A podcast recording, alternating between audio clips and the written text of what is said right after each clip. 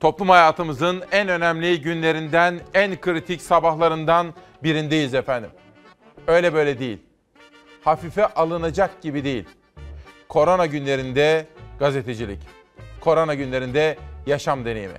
Günaydın.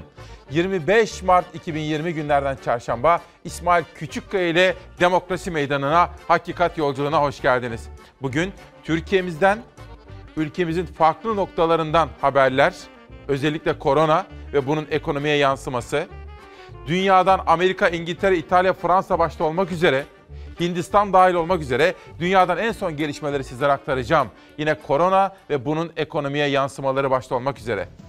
Cezaevlerinde ve yakınları cezaevinde olanlarda yoğun bir beklenti vardı. Dün sizlere söz verdiğim gibi parlamentoda partiler arasında ceza infaz sistemine ilişkin görüşmeler yapıldı. Sonuçları sizlere anlatacağım. Ankara'dan hem korona olayını tıbbi açıdan ele alacak hem de bu parlamentodaki infaz sistemine ilişkin gelişmeleri en yakından bilen isim buraya geliyor Ankara'dan. Biraz sonra demokrasi meydanına katılacak efendim. Bunun dışında sizlere hayatın içinden pek çok haberi ve manşeti sizlere aktarmak istiyorum. Bugünkü manşetimiz bilim ne derse o. Biz aklın ve bilimin yolundan gitmeye kararlıyız. Yönetmenim dün hastanedeydi. Şükürler olsun hiçbir şey yok. Şimdi ondan rica ediyorum Serdar'dan gazete manşetleriyle haber yolculuğumuza başlıyoruz. Bizler sizlerin haber alması için elimizden geleni kocaman bir Çalar Saat ailesi olarak yapmaktayız efendim. Ve gerekli tedbirleri de almaktayız. Mesela Serdar hastaneden geldi, maskesini de takmakta. Hepimiz de sosyal mesafeye, güvenli mesafeye çok dikkat etmekteyiz. Çünkü sizlere haber aktarmak gibi önemli bir sorumluluğumuz var. Bunun bilincindeyiz. Hürriyette başlıyorum. Bu iş ne zaman bitecek? Hürriyet herkesin cevabını merak ettiği koronavirüsten ne zaman kurtuluruz sorusunu bilim kurulu üyelerine ve uzmanlara sordu. Halk kurallara uyarsa Mayıs sonu Haziran başı görüşünde birleşen uzmanların açıklamaları şöyle. Profesör Doktor Mehmet Doğanay, halkın uyarılara uymasına bağlı. Her şey buna bağlı. Eğer risk grupları evde kalırsa, gençler de sosyalleşmeyi en az düzeye indirirse Mayıs'ta, Haziran'da vakalar azalacaktır. Profesör Doktor Serhat Ünal, tedbirlere uyulduğu takdirde Mayıs sonu, Haziran başı gibi bir rahatlama olacaktır diyor. Profesör Doktor Alpay Azap, halkımız alınan önlemlere, yapılan uyarılara uyarsa 4 ila 6 haftalık bir süreç içerisinde tırmanış önce yatay bir seyir alır, sonra da düşmeye başlar diyor.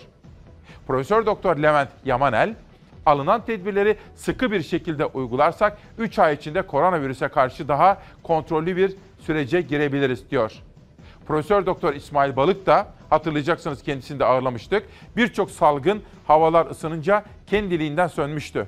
Hava sıcaklığı 25 dereceye ulaşınca virüslerin genellikle bulaştırıcılığı azalıyor. Ancak bu %100 böyle olacak demek değil diyor efendim.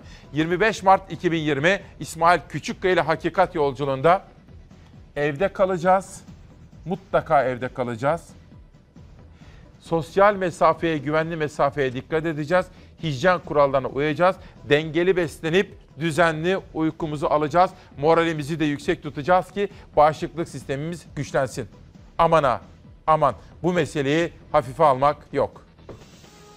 Yaygın olarak şu an Türkiye'de sadece bir bölgeye lokalize değil, ülkenin genelinde e, neredeyse genelinde olan e, pozitif gördüğümüz vakaların olduğunu biliyoruz. Tüm Türkiye'ye e, yayıldığını söyleyebilirim. Belli bir şehir ya da bölge değil, koronavirüs tüm Türkiye'ye yayıldı. 343 yeni teşhis kondu, toplam hasta sayısı 1872'ye, hayatını kaybedenlerin sayısı ise 44'e yükseldi. Baştan vakaların hepsi yurt dışı ağırlıklı idi. Ama artık yurt dışı temaslı, temaslının temaslısı olmaya başladı. Ve giderek son günlerde daha çok temaslının temaslısı anlamında giderek hastanın arttığını söyleyebilir. Türkiye'de salgın yurt dışı kaynaklı başlamıştı. İlk hasta 11 Mart'ta bildirildi. Aradan geçen 14 günde artık yurt dışı teması olmayanlar da hastalığı bulaştırmaya başladı. Yani virüsün yayılım hızı arttı. İyileşen vakalarımız var. Biliyorsunuz 14 günlük zaman dilimi geçmesi gerekiyor. Ve önümüzdeki günlerde iyileşen vakalarımızı da gün be gün açıklamış olacağız. İyileşen ve iyileşmekte olan hastalarımızın hatta fazla olduğunu özellikle belirtmek istiyorum. İyileşen hastaların da 14 günlük süreyi doldurması bekleniyor. Tamamen iyileştiklerine emin olunduğunda sayıları açıklanacak.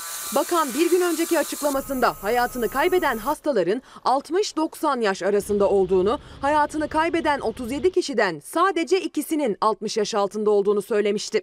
Son açıklamasında bakan hayatını kaybeden son 7 kişiden 6'sının ileri yaşta olduğunu, birinin ise koah hastası olduğunu söyledi. 91 yaşa kadar var. 60'ın altında e, iki hasta var. Yani 50'nin üstünde 50 ile 60 arası.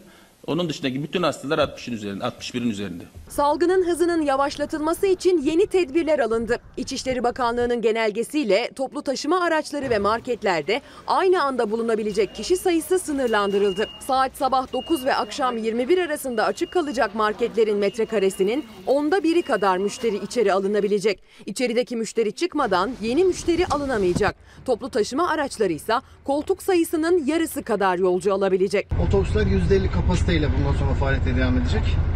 Salgını önlemek amacıyla böyle bu şekilde tedbir alındı. Sağlık personelimiz içinde pozitif olan vakalarımız var. Maalesef kamu kurumlarının, misafirhanelerinin sağlık personelimiz için kullanılmasına yönelik bir genelge çıktı biliyorsunuz. Bunu da bölge bölge e, sağlık personelimiz için kullanmak üzere bir çalışma zaten başlatıldı. Sağlık Bakanı Fahrettin Koca salgınla en önde mücadele eden sağlık personeli için yeni tedbirler alındığını açıkladı. Sağlık çalışanlarının evlerine gitmeden, ailelerini riske atmadan çalışmasının önü açıldı. Kadrolu 32 bin yeni sağlık çalışanı alınması için çalışma başlatıldı. Merakla beklenen noktalardan biri de kışlalardı. Oradaki son durumu da Milli Savunma Bakanı Hulusi Akar açıkladı. korona konusundaki mücadelemize sürmektedir. Bütün bireysel ve kurumsal tedbirleri eksiksiz aldık, almaya devam ediyoruz. Termal kameraların kullanılması, pozitif vaka yoktur. Önlemler alınıyor ancak halkın yoğun olarak bulunduğu bazı noktalarda risk devam ediyor. Araç muayene istasyonları gibi. Yapılan anonslarla sık sık sosyal mesafe yani bir metre aralıklarla durulması hatırlatılıyor. Değerli müşterilerimiz, virüsle mücadelede önemli olduğu için tüm açık ve kapalı alanlarda da sosyal mesafenin korunmasını rica ederiz. Biz vatandaşlar olarak üzerimize düşeni yapacağız. Evde kalacağız. Sosyal mesafeye, güvenli mesafeye dikkat edeceğiz. Hijyen kurallarına uyacağız. Ama devletimiz ne yapacak? Devletimiz sağlık çalışanlarına yeterli tıbbi malzemeyi sağlayacak ve test sayısını artıracak. Uzmanlar bizim test sayımızın yetersiz kaldığında birleşiyorlar maalesef. Bunu dikkate almamız gerekiyor. Kamil Kuşaksız, İsmail Bey günaydın. Akaryakıt istasyonunda çalışan emekçileri de lütfen gündeme getirin. Her gün 300-500 kişiyle temastayız, yakın temas ve para yolu ile de temastayız, izinde yok diyor. Bizim de sesimizi duyurun diyor. Aklınıza gelebilir. Yönetmen kardeşim Serdar dün sizlere söylemiştim hastaneye gitmişti. Vertigo. Onun zaman zaman vertigosu tutar. Hemen hastaneye gitti. Yoksa onun koronavirüsle falan ilgisi yok. Zaten bizde Fox'a girerken bütün konuklarım da söylüyor ya hemen tık ateşimize bakıyorlar biliyorsunuz. Dolayısıyla sizlere sağlıklı ulaşabilmek ve sizlerin sesini duyurabilmek için bizler çok üst düzeyde gayret ediyoruz efendim. Hürriyetten Sözcü'ye geçelim. Sözcü gazetesi para ihtiyacı korkuyu yendi. Virüs mü bin lira mı? Tabii ki bin lira. Devlet bin lira para yardımı başlattı. Vatandaş virüs varmış yokmuş hiç umursamadan yan yana kuyrukta bekledi. Para için sağlığını tehlikeye attı. Olmaz efendim. Bakın.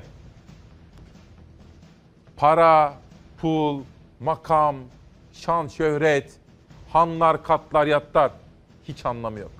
Hiç anlamı yok. Önce sağlık. Sağlık yoksa yaşadığınızdan hiç hiç tat bile alamazsınız. Parayı yiyemezsiniz efendim. Dolayısıyla önce can sağlığı diyorum. Bu arada Ankara'dan bir konuk davet ettim. Sizlerle buluşmak üzere geliyor. O konu hem tıp dünyasından koronavirüse ilişkin merak ettiğiniz soruları yanıtlayacak. Hem bunun ilacı, aşısı var mı? Bağışıklığımızı nasıl güçlendiririz? Bu soruları yanıtlayacak. Bunun dışında parlamentodan etkili bir isim olduğu için bugünlerde gündeme gelmiş olan infaz sistemi yani cezaevlerinden tahliyelerle ilgili en son bilgileri kendisinden alma imkanı bulacağız. Serdar hazır mıyız? Türkiye'nin yapması gerekenleri anlamak için, eksik bıraktıklarımızı tamamlamak için başkalarının yaptığı hatalardan ders almak için ne yapıyorduk? Dünyaya bakıyorduk.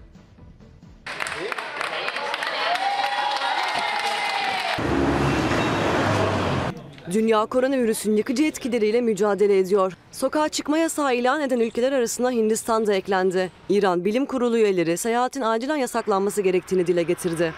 Fransa'da 24 saatte 240 kişi daha virüs nedeniyle hayatını kaybetti. Hindistan'da 500'den fazla kişiye koronavirüs teşhisi kondu. Can kaybı ise 10 olarak açıklandı. Başbakan Modi virüsün yayılmasını önlemek amaçlı ülke genelinde 21 gün boyunca sokağa çıkma yasağı ilan etti. Hindistan'da sağlık sektörünün altyapısını güçlendirmek için 2 milyar dolar ayrıldığı belirtildi. Can kaybının 2000'i bulduğu İran'da bilim kurulu üyeleri endişeli. İranlı Profesör Doktor Mesut Merdani seyahat yasağı gelmediği takdirde virüsün daha çok yayılacağını işaret etti.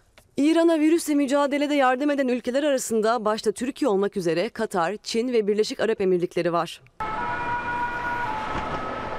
Fransa bir günde kaydedilen en yüksek can kaybını gördü. 24 saatte 240 kişinin daha yaşamını yitirmesiyle rakam 1100'e yükseldi. Günlük test sayısının 9000'e çıktığı ülkede 22 binden fazla kişi virüste temas etti. Fransa'da ilan edilen sokağa çıkma yasağının 6 haftaya kadar uzatılması bekleniyor. Çin, Yunnan eyaletinde ortaya çıkan ve hayvandan insana geçen Hanta virüsünün şokunda. Bir kişi virüs nedeniyle bindiği otobüste ölünce araçtaki 32 yolcu karantinaya alındı. Bir süredir ortada görünmeyen Rusya lideri Putin ise koronavirüsle mücadele eden hastanede ortaya çıktı. Özel kıyafet giyen Putin yoğun bakımdaki hastaları ziyaret etti. Salgından spor dünyası da etkilendi. Japonya'da yapılması planlanan 2020 Olimpiyat oyunları önümüzdeki yıl ertelendi. UEFA ise Şampiyonlar Ligi ve Avrupa Ligi'nin final karşılaşmalarını süresiz erteleme kararı aldı. Murat Bey kardeşim Kayseri'den bir esnaf çok zordayım İsmail'im diyor. Biraz sonra Ankara'dan gelen o konuğumuza esnafın, emeklinin ve işsizin de şu günlerde çekleri dönmeyenlerin de hepinizin de sesine ilişkin sorular soracağım ona. Murat Akbulut, değerli abim ben bir sağlık personeliyim. Lütfen 4B'den kadroya geçme mücadelemizde yanımızda olun diyor. Hakan Erkeç, söylediğiniz konuyla ilgili yönetmenime söyledim.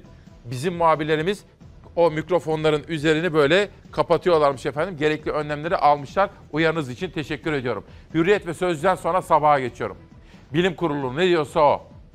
Ve yardımcısı Oktay ve 5 bakanla video konferans yapan Başkan Erdoğan, milletimizin hizmetinde mesaimiz devam ediyor dedi ve bilim kurulunda kararlarına uyulması talimatını verdi. Şunu söyleyeyim, uzaktan eğitim başladı ya.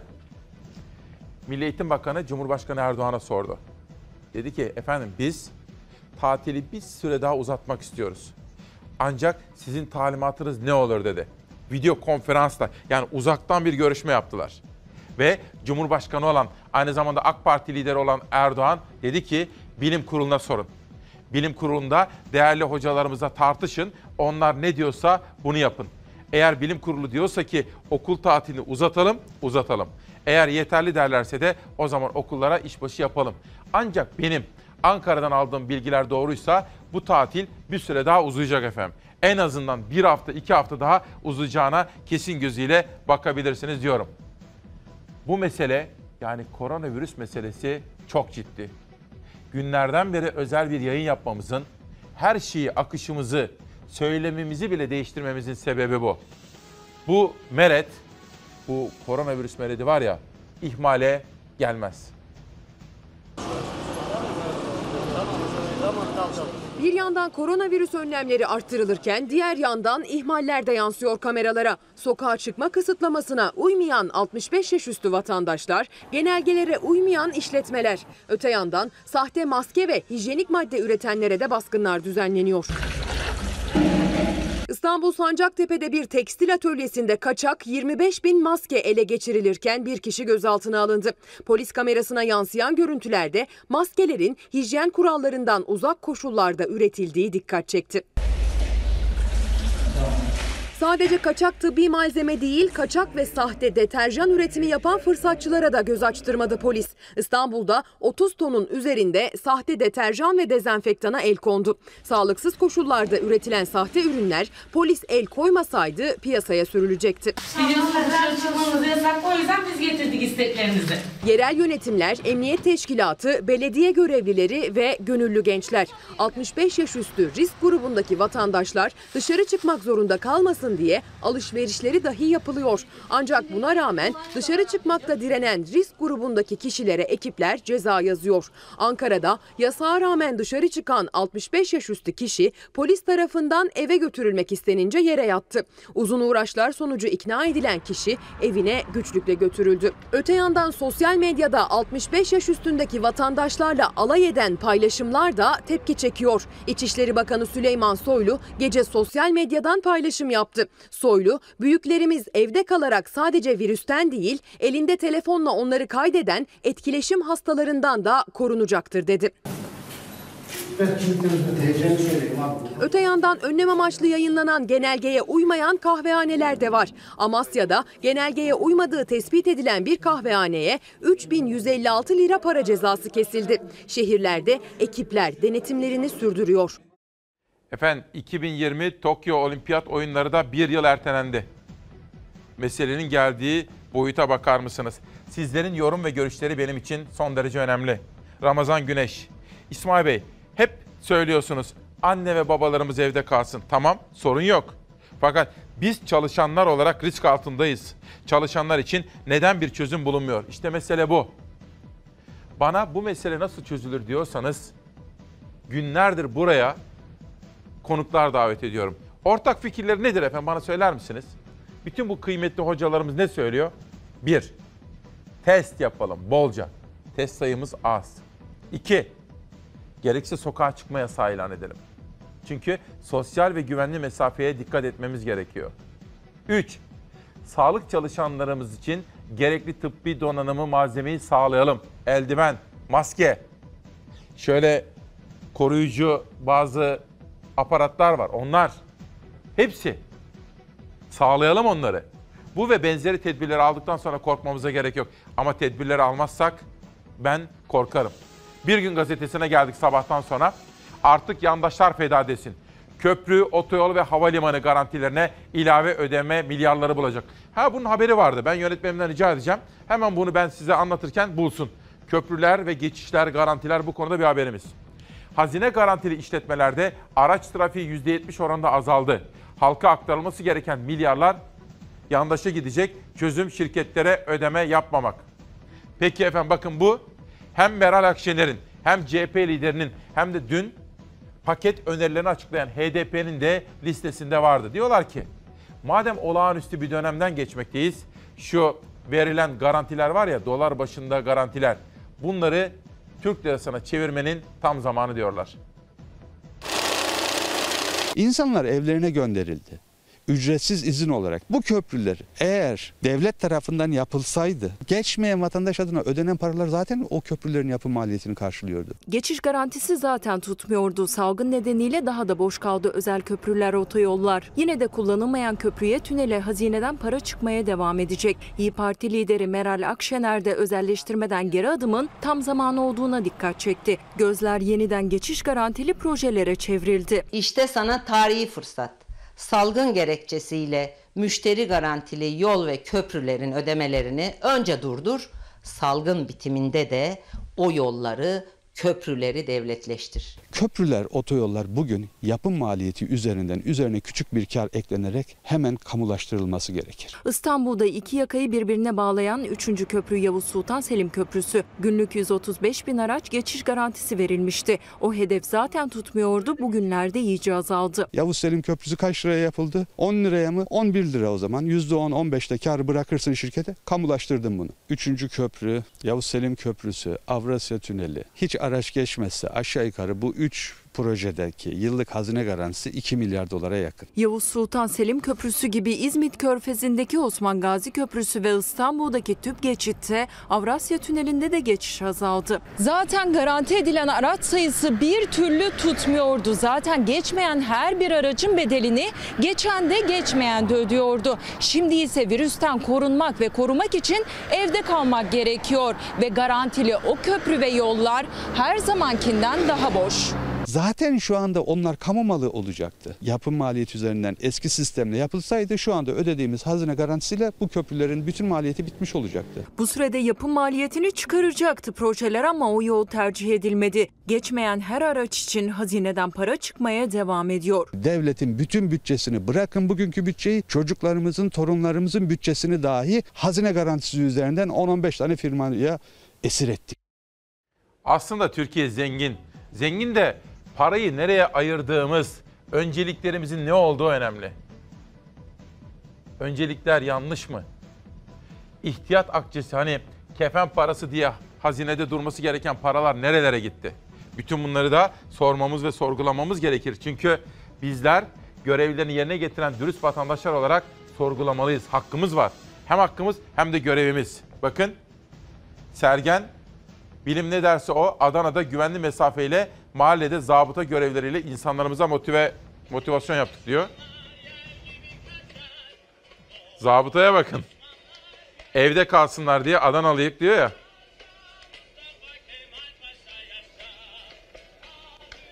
Adana'da zabıta görev başına gelmiş. Adanalı biliyor işi. Efendim biraz evvel Hatice diye bir arkadaşım bana mesaj attı. İsmail abi dedi. Benim babam biraz önce evden çıktı. Nereye çıktı biliyor musun dedi. Madene gitti dedi. Çalışmaya. Bir asansör düşünün. Yük asansörü gibi. İçine tıka basa madenci kardeşlerim, emekçi kardeşlerim doluşlar. Ve yerin kaç metre altına gittiler. Hatice isimli kardeşim babası gitmiş de bana üzüntüsünü ve kaygısını anlatıyor efendim. Pencere gazetesi Türkiye Tabipleri Birliği Başkanı isyan etti. Sayın Bakan haberin var mı? Türk Tabipleri Birliği Başkanı Sinan Adıyaman, Uşak'ta virüslü hasta ile temas eden doktorlara maskenizi takın, görevinize devam edin talimatı verildiğini söyledi. Sinan Adıyaman, korona ile mücadelede yaşanan aksaklıklardan Bakan Koca'nın haberi olup olmadığını sordu. Uşak'tan bir örnek verdi. Adıyaman, korona testi pozitif çıkan hasta ile ilgilenen iki doktorun tecrit edilmesi gerekirken görevine devam ettirildiğini duyurdu. Üstelik doktorlardan sadece birisine test yapıldı dedi. Şimdi bakın ismi her şeyleri bende lazım. Türkiye'nin en çok tanındığı, tanıdığı doktorlardan biri ve eşi şimdi hastaneye yattı önceki gün. Koronavirüs. Dün akşam bir doktor ve eşiyle konuştum. Eşi de doktor. Özel bir hastanede ismi var, her şeyleri var. Bizim hastanenin dedi genel müdürü. CFO'su yani para işlerinden sorumlu yöneticisi ve bunun dışında 6 sağlık çalışanı daha korona pozitif çıktı. Hastaneye yatırdık dedi. Demem o ki efendim sağlık çalışanları en büyük risk altında. Onlara teşekkür ediyoruz. Onlara minnettarız. Alkışlıyoruz. Ama bu yeter mi? Onların yaptıkları fedakarlıklara karşı acaba gereken başka önlem var mı diye sormamız gerekiyor. Geçelim şimdi Fanatik Gazetesi'ne. Fanatik Gazetesi'de İmparator haberi var. Türk bakın Türkiye o maça kilitlenmişti. Derbiye gözaltı. Fatih Terim'in koronavirüsü testi pozitif çıkınca 15 Mart'ta oynanan Galatasaray Beşiktaş derbisi için alarma geçildi diyor. Bu fotoğraf 15 Mart'ta Türk Telekom'da çekildi. Bu maç demek ki oynatılmamalıydı efendim. Derbide Fatih Terim meslektaşı Sergen Yalçın ile böyle sarılmıştı. Gökhan Gönül ve Burak Yılmaz ile de sarılan deneyimli çalıştırıcı hakemlerle de el sıkışmıştı diyor. Tabii Fatih Terim'e içtenlikle geçmişler olsun derken buradaki hatanın sorumlusu kim diye de sormadan geçemeyiz. Ya benim çocuklarımın canı neden önemli değil ya? Çocuklarım derken futbolcularımı söylüyorum. Böyle bir şey olur mu? Ben bütün ben bunu kendi adıma konuşmuyorum. Bakın arkadaşlar. Ligin ertelenmeyip maçların sadece seyircisiz oynanması kararına bu sözlerle tepki göstermiş ve adeta her bir kelimeye vurgu yapa yapa çağrı yapmıştı Fatih Terim. Günler sonra koronavirüs testi yaptırdı ve sonuç pozitif çıktı. Ünlü teknik adam karantinada. Bizzat sosyal medya hesabından duyurdu.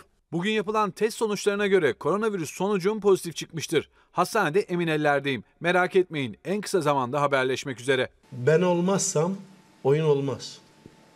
Futbolcu olmazsa oyun yine olmaz.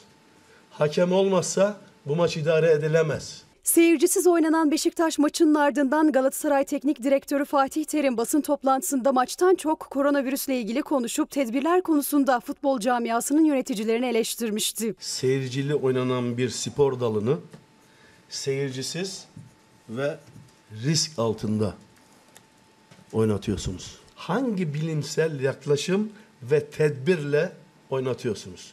Beraberlikten, puan kaybından mağda konuşuyorum. Terim'in o gün bu sözleri maç sonucuna yorulmuştu bazı kesimler tarafından ancak 66 yaşındaki deneyimli teknik direktör Covid-19 testinin pozitif çıktığını açıkladı.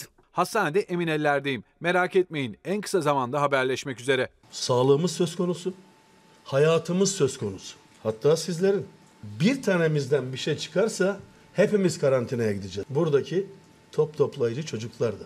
Maç öncesi stat ve oyuncuların idman yaptığı tesis dezenfekte de edildi ama akıllarda hep bu salgın vardı. Sadece futbolcuların değil, tüm ekibin spor basınının da risk altında bırakıldığını açıklayan Fatih Terim'in ailesi de tepki gösterdi. Kızı Buse Terim yaşadıklarını ve üzüntüsünü sokağa çıkmama konusunda çağrıda bulunarak anlatmaya çalıştı. Kronik bir rahatsızlığının olmaması bir avantaj. İnanın bana bu korku e, bu yanına gidememek. Hiçbir şekilde yanına gidemezsiniz. Eğer ailenizden birine bir şey olursa hiçbir şekilde gidemezsiniz. Yasak. Lütfen bunu düşünerek hareket edin bundan sonrasında. Şu ana kadar da pek kimseden ses çıkmadı. Bundan sonra da pek çıkacağını zannetmiyorum. Bu kez sessizlik yoktu. Fatih Terim için tüm renkler birleşti. Şifa ve destek mesajları yağdı tüm gece. Basın toplantısındaki sözleri tekrar ve tekrar yayınlandı. Futbolcular Derneği şimdiye kadar çoktan toplanıp biz oynamıyoruz demeliydi. Diyemez. Antrenörler Birliği hiçbir şey diyemez. Dememiştir. Sendika olmadıkları sürece bu halde kalacaklar. Fatih Terim'in tedavi gördüğü özel hastaneden de açıklama yapıldı. Hafif öksürük dışında şikayetinin olmadığı belirtildi. Galatasaray ikinci yöneticisi Abdurrahim Albayrak ve eşinin de testlerinin pozitif çıkmasıyla Beşiktaş ekibinin teknik direktörü Sergen Yalçın evinden açıklama yaptı. Maçtan sonraki 8 günlük süreçte herhangi bir arkadaşımızda herhangi bir belirtiye rastlamadık ama biz yine de tedbir amacıyla test yaptıracağız. Fatih hocamıza geçmiş olsun diyorum. Biraz sonra yerel gazete manşetlerini aktarırken Adana 5 Ocak gazetesinde tam sayfa Fatih Terim'e geçmiş olsun mesajları var efendim. Onu da aktaralım. Küçük esnafla ilgili yoğun sorular gelmekte.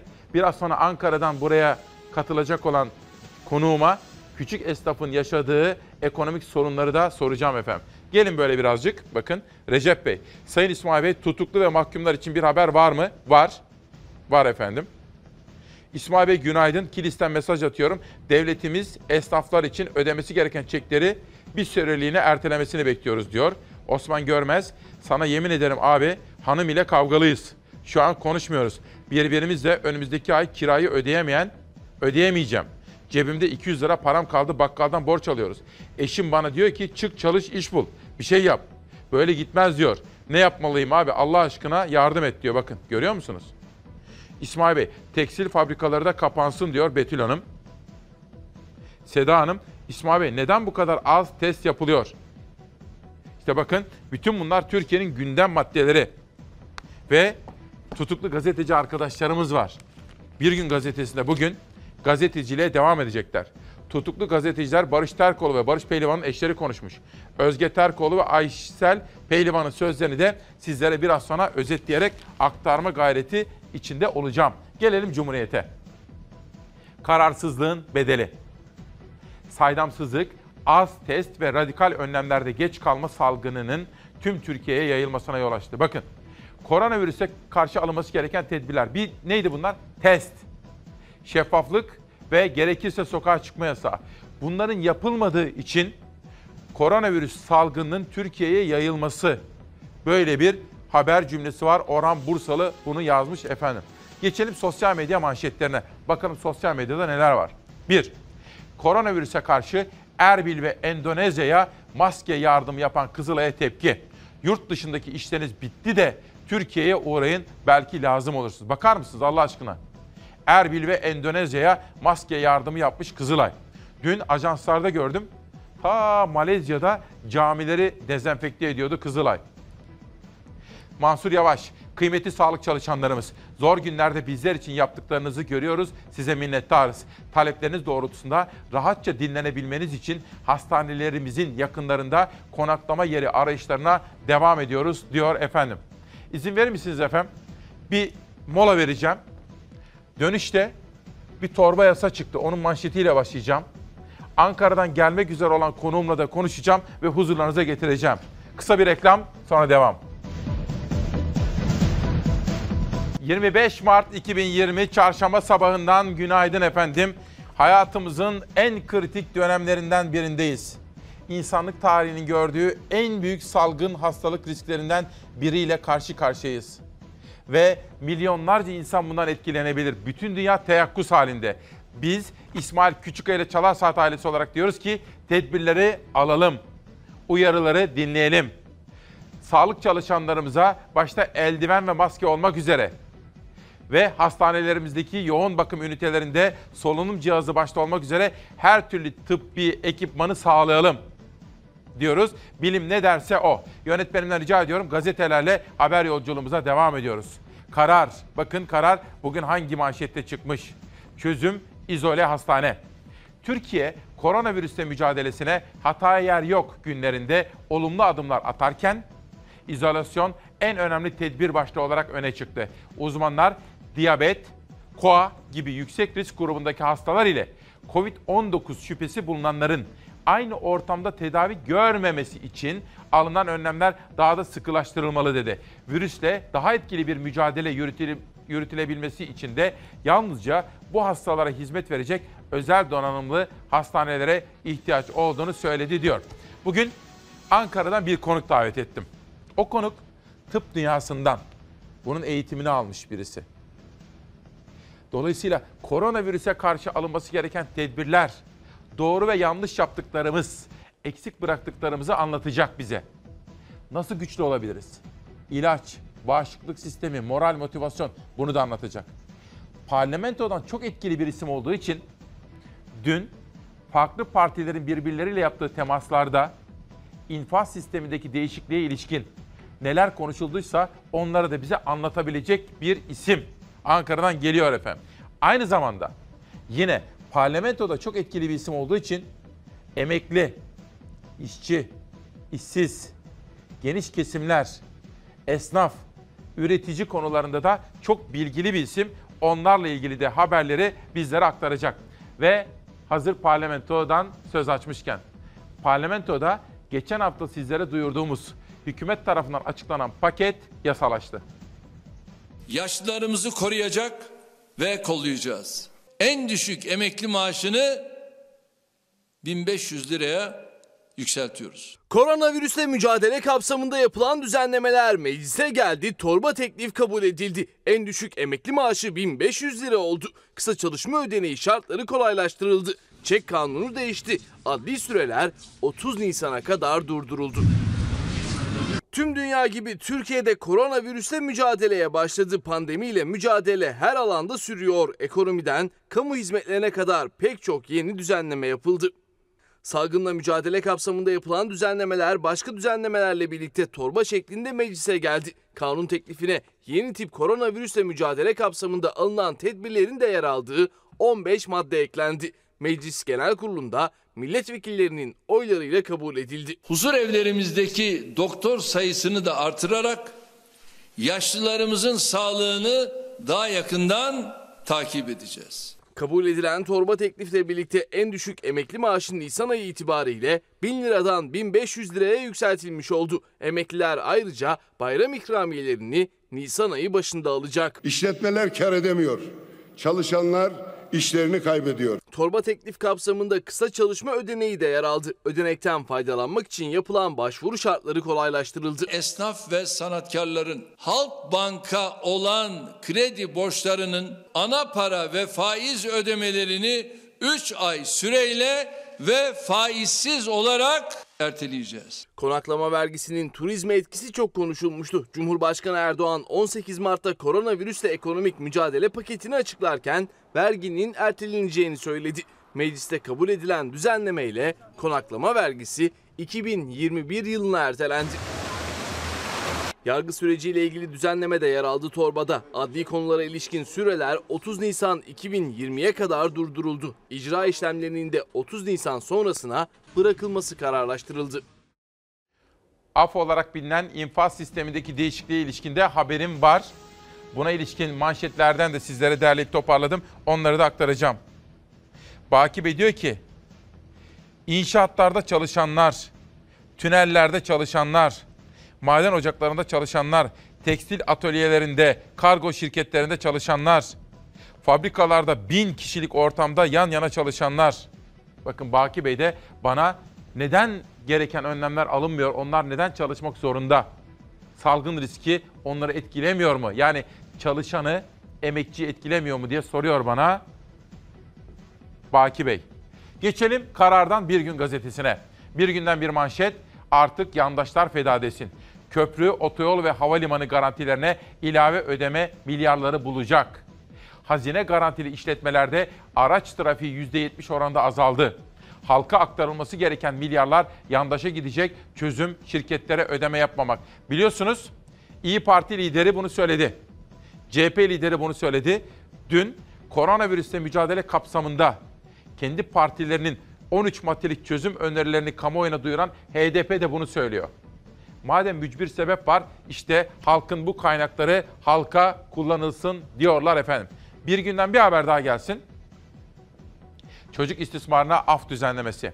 AKP'nin hazırladığı kanun teklifinde çocukları istismar edenlere de ceza indirimi öngörülüyor. Kadın örgütleri teklife sert tepki gösterdi. Şimdi bu cezaevlerindeki durumla ilgili bugün çok ha- haberim var, hazırlıklarım var. Bir kere şunu unutmayalım. Cezaevleri gerçekten tıka basa dolu. Ben her gün cezaevinden mektuplar alan birisiyim biliyorsunuz. Oralardan da öğreniyorum ki cezaevlerinde yatacak yer yok. Kapasitenin çok üzerinde. Bu birinci gerçeklik. İki, koronavirüs oralarda risk oluşturursa korkarız. Gerçi Adalet Bakanı herhangi bir risk yok, risk yok diyor ama bu bilinemez. Dolayısıyla bunu da göz ardı edemeyiz. Ama üç, kadına şiddet, çocuğa şiddet gibi affedilmez suçlara ilişkin burada bir madde olacak mı? Biraz sonra Ankara'dan gelen konuğum bu konulara çok vakıf birisi. Onunla da bu konuyu konuşacağım efendim. Bunun olabileceğine ihtimal vermiyorum. Geçelim. Ama biraz sonra gündemde olacak. Asla vazgeçmezler.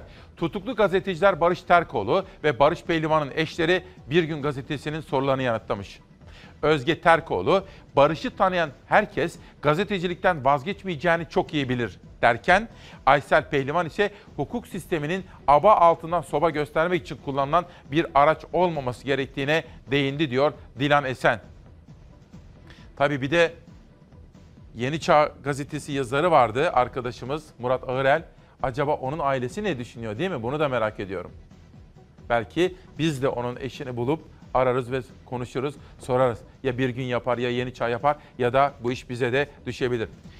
Türkiye'nin koronavirüsle imtihanında doğru yaptıklarımızda devam etmek için, yanlış yaptıklarımızdan dönmek için, eksik bıraktıklarımızı tamamlamak için dünyada örnekler var.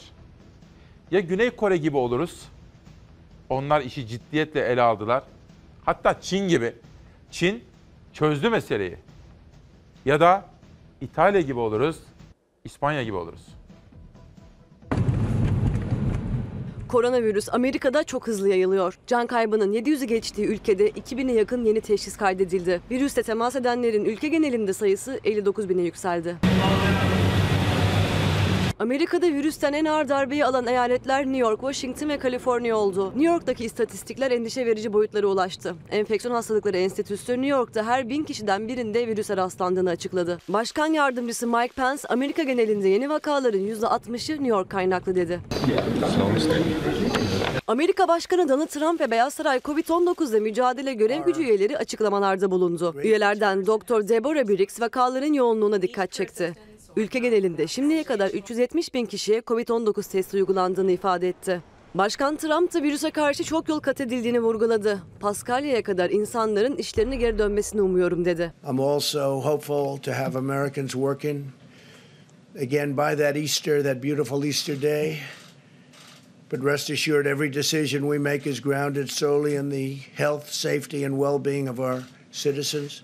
Trump stokçuluğa karşı önlem alacaklarını da açıkladı. Toplantıya Doktor Deborah Birx'in hafta sonu ateşlenerek virüsten şüphelendiğini söylemesi damga vurdu. Başkan Trump doktorun cümlesinin bitmesini beklemeden hızla yanından uzaklaştı. Hareketiyle gergin ortamı neşelendiren Amerika Başkanı ardından doktorları hedef aldı. Doktorlara kalsa tüm dünyayı kapatacağız dedi. Virüsün az görüldüğü eyaletleri kapatmayı düşünmediğini söyledi. Aralarında Robert De Niro'nun olduğu Hollywood yıldızları ise Amerikalılara evde kal çağrısı yaptı. Hello, this is Robert De Niro.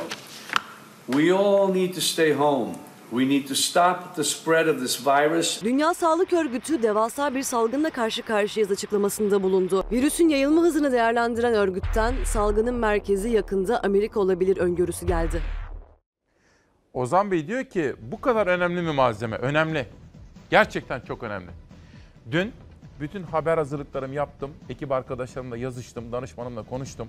Açtım sonra CNN, Euronews, BBC hepsini izledim. New York valisi lütfen dikkat edin. Bakın yıl 2020. Amerika'da New York'un valisi canlı yayında dedi ki bu para meselesi değil, ekonomi meselesi değil. Ekonomi mi önemli, insan hayatı mı önemli dedi New York valisi. Sonra başkan Trump'a ve hükümete eleştiri getirdi. Ben New York'ta 20 bin solunum cihazına ihtiyaç duyuyorum. Bir tanesi 20 bin dolar. Siz bana 400 tane yolladınız. Kimlerin öleceğine siz karar verin. Sonra New York'u eleştirmişler. Vali de dedi ki biz New York, New York'ta yaşayanlar başka eyaletlerde yaşayanlara göre farklı bir bağışıklık sistemine sahip değiliz. Biz neden bu kadar vakayla karşı karşıya kaldık? Vaka demeyelim. Mustafa Alobara dün beni aradı da uyardı. Siz dedi Türk diline, dilimize çok dikkat ederseniz vaka denmemeli dedi. Ben de hemen ekip arkadaşlarıma yazdım hem Savaş hem Zera'ya. Hasta sayısı. New York valisi dedi ki bizde bu kadar çok koronavirüs olmasının sebebi New York'a bütün dünyadan insanların gelmiş olması, kozmopolit bir şehir olması. Ama dedi unutmayın. Biz sizin geleceğiniziz. Amerika'daki başka eyalette, eyaletlerde yaşayanlar benim talebime yanıt vermezseniz yarın siz de aynısını yaşayacaksınız. Koronavirüs bugün New York'ta, yarın sizde. Bakın dünyanın en büyük süper gücünün New York'taki valisi bunu söylüyor. Para mı değerli diyor, can mı değerli diyor. Trump'ı eleştiriyor. Solunum, ha bir dakika solunum cihazı bunun için önemli. Bu arada Selçuk Bayraktar ve Baykar Savunma Sanayisi Şirketi aslında ama Ankara'da solunum cihazı üreten yerli bir firma varmış. Bu firmanın desteklenmesi için, teknolojik olarak da altyapısının güçlendirilmesi için, yerli solunum cihazının seri üretime geçebilmesi için kolları sıvamış, elini taşın altına koymuş. Dün sosyal medyada görmüştüm. Ve onunla birlikte devlet kurumları da devreye girmişler. Dolayısıyla ben solunum cihazları konusunda bu sorunu çözme bakımından almış oldukları bu inisiyatif için ülkem adına kendisine de teşekkür ediyorum efendim. Her kim ki elini taşın altına koyar ona teşekkür etmek boynumuzun borcudur. Bir gün gazetesinden geçelim aydınlığa. 1 milyon maske, 100 bin litre dezenfektan. Bakın işte Selçuk Bayraktar gibi bir başka inisiyatif. Bu da benim desteklemek istediğim ve alkışlamak istediğim hareketlerden biri. Çünkü ülkemizde malzeme eksikliği var.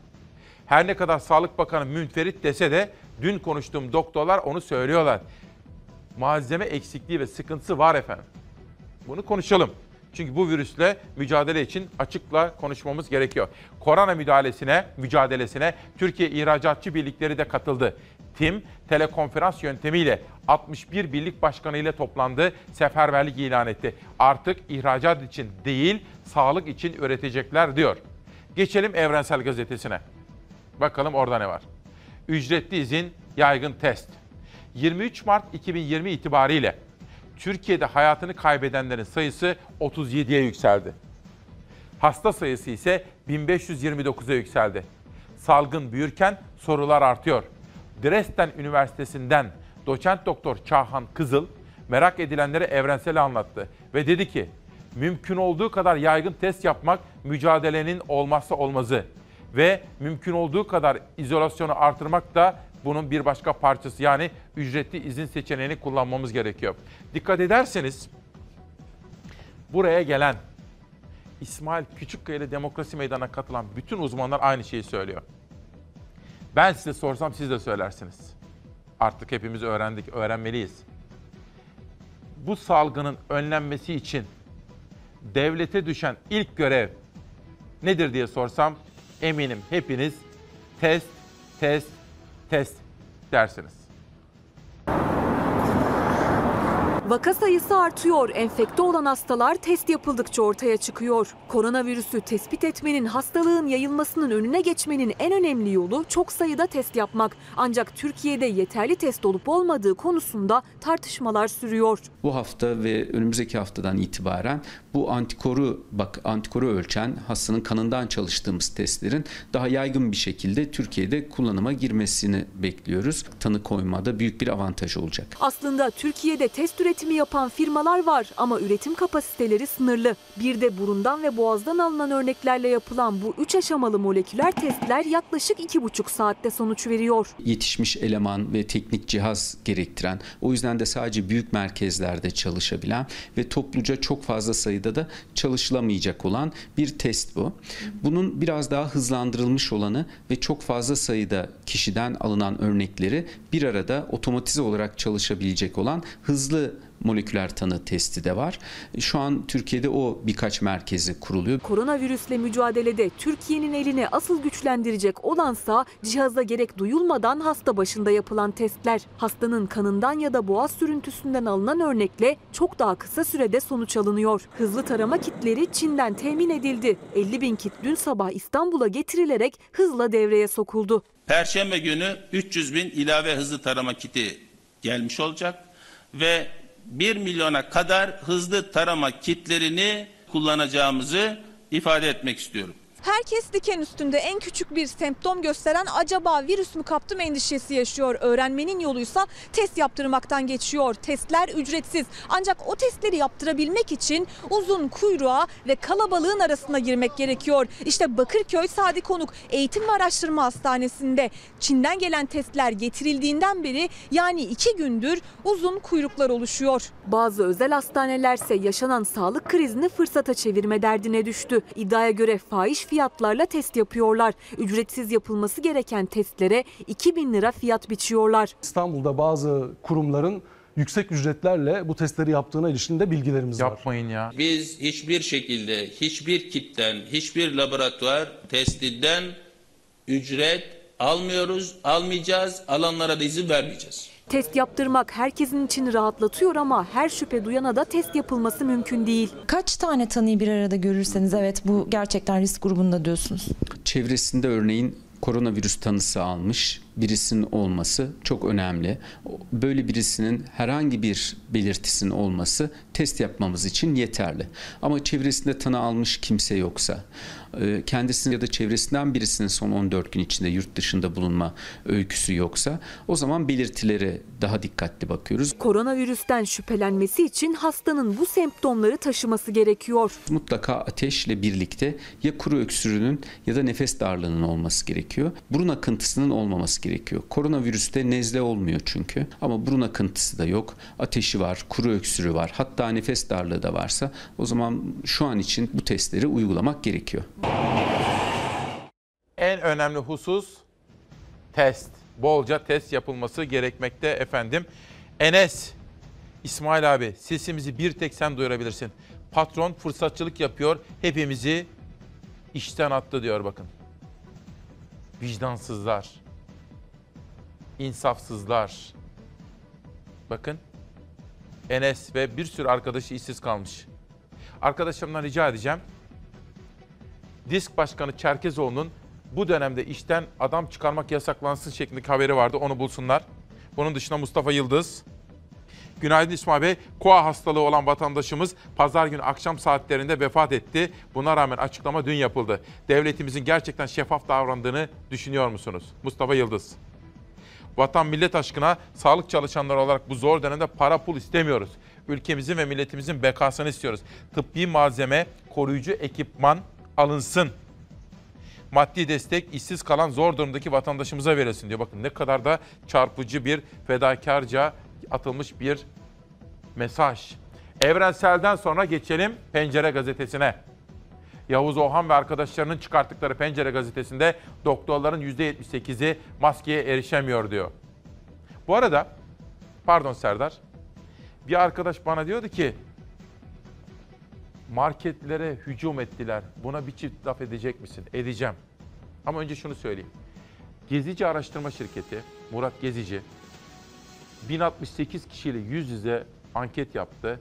Halkımızın yarısı yani hepimizin yarısı mağazalara hücum etmiş.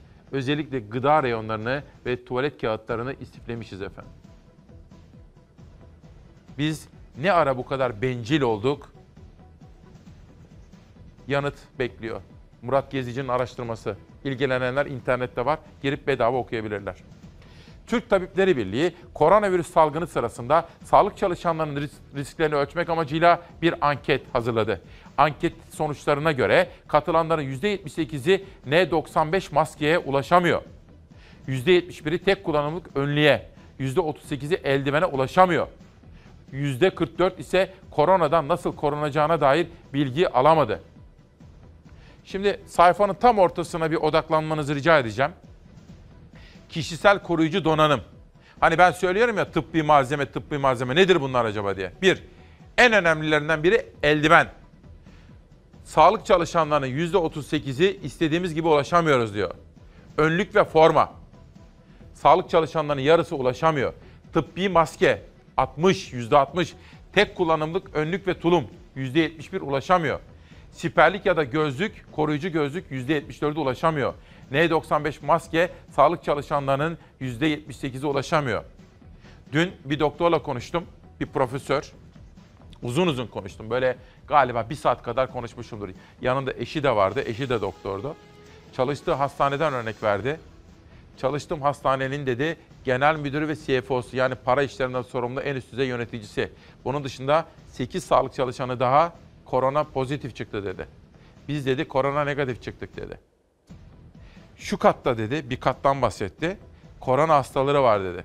Ama bakın özel bir hastanede bile tıbbi donanım eksikliği var dedi.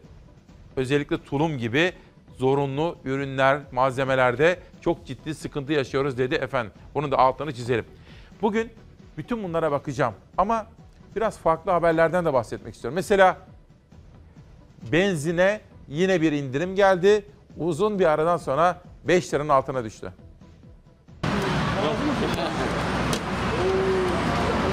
Ham petrol fiyatları düştü. Türkiye'de tüketicinin yüzü güldü. Benzine 22 kuruş indirim daha geldi. Benzinin litre fiyatı uzun bir aradan sonra 5 liranın altına düştü. Petrol üreticisi ülkeler koronavirüs nedeniyle petrol talebinin düşmesinin ardından toplandı. Arzı düşürelim önerisi kabul görmedi. Suudi Arabistan petrol arzını arttıracağını söyledi. Petrol fiyatları çakılmaya başladı. Ham petrolün varil fiyatı 2003 yılından bu yana en düşük seviyeleri gördü. 25 doların dahi altına geriledi. Ardından hafif bir yükselmeyle 27 dolara çıktı. E, indirim oldu diye mutlu olacağız gibi ama daha da fazla olması lazım. Avrupa'da en pahalı benzini kullanan biziz. İndirim olduğunu duyduğum için bugün arabayı fullleyeyim dedim. Petroldeki düşüş Türkiye'de tüketicinin yüzünü güldürdü. Benzine, motorine ard arda indirim haberleri geldi. Benzinde dün gece yarısından itibaren geçerli olmak üzere 22 kuruş daha indirim yapıldı. Daha önce 7 lirayı aşan benzinin litre fiyatı petrol fiyatlarının düşmesi sonrası gelen indirimlerle 5 liranın altına geriledi. Yani toplamda benzine litre bazında 2 lira indirim gelmiş oldu. Dünyada %50 ucuzladığını biliyorum ama bizdeki düşme onunla doğru orantılı değil. Gelen indirimle birlikte İstanbul'da ortalama 5 lira 19 kuruşa satılan benzinin litre fiyatı 4 lira 97 kuruşa düştü. Ankara ve İzmir'de ortalama 5 lira 32 kuruştan satılan benzinin litresi 5 lira 10 kuruş oldu. Bakın biraz evvel sizlere madenlerden bahsetmiştim. Hatice isimli galiba Hatice'ydi. Bir kardeşimiz babam biraz evvel madene gitti. Yerin yüzlerce metre altına bir asansörün içinde demişti. Bakın bir gün gazetesinden bir haber. Şantiyeler tehlike saçıyor. Önlem almak için neyi bekliyorsunuz? Bakar mısınız efendim? Biz salgının kontrol altına alınmasından bahsediyoruz. Mersin'den Hüseyin Kış.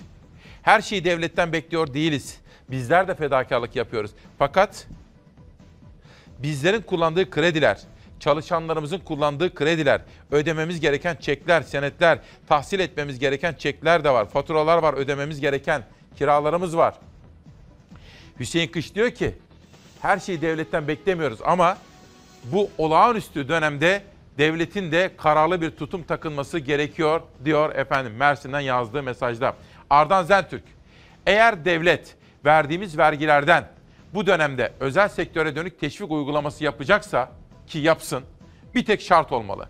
Kriz başladığı an işçi çıkarmış mı? İşçisini ücretsiz izne yollamış mı? Kar, kardan zarar etmeyi göze almamış mı? Böylesine para verirseniz haram ederim diyor. Bakın hükümeti destekleyen bir gazetede Ardan Zentürk uzun yıllar yazdı. Çok deneyimli bir gazeteci. Ben de kendisi gibi düşünüyorum. Eğer bu dönemde biraz evvel okuduğum arkadaşın şikayet ettiği gibi bu zorlu dönemde aman fırsat bu fırsat deyip çalışanı kapının önüne koyarsa her şey haram olsun.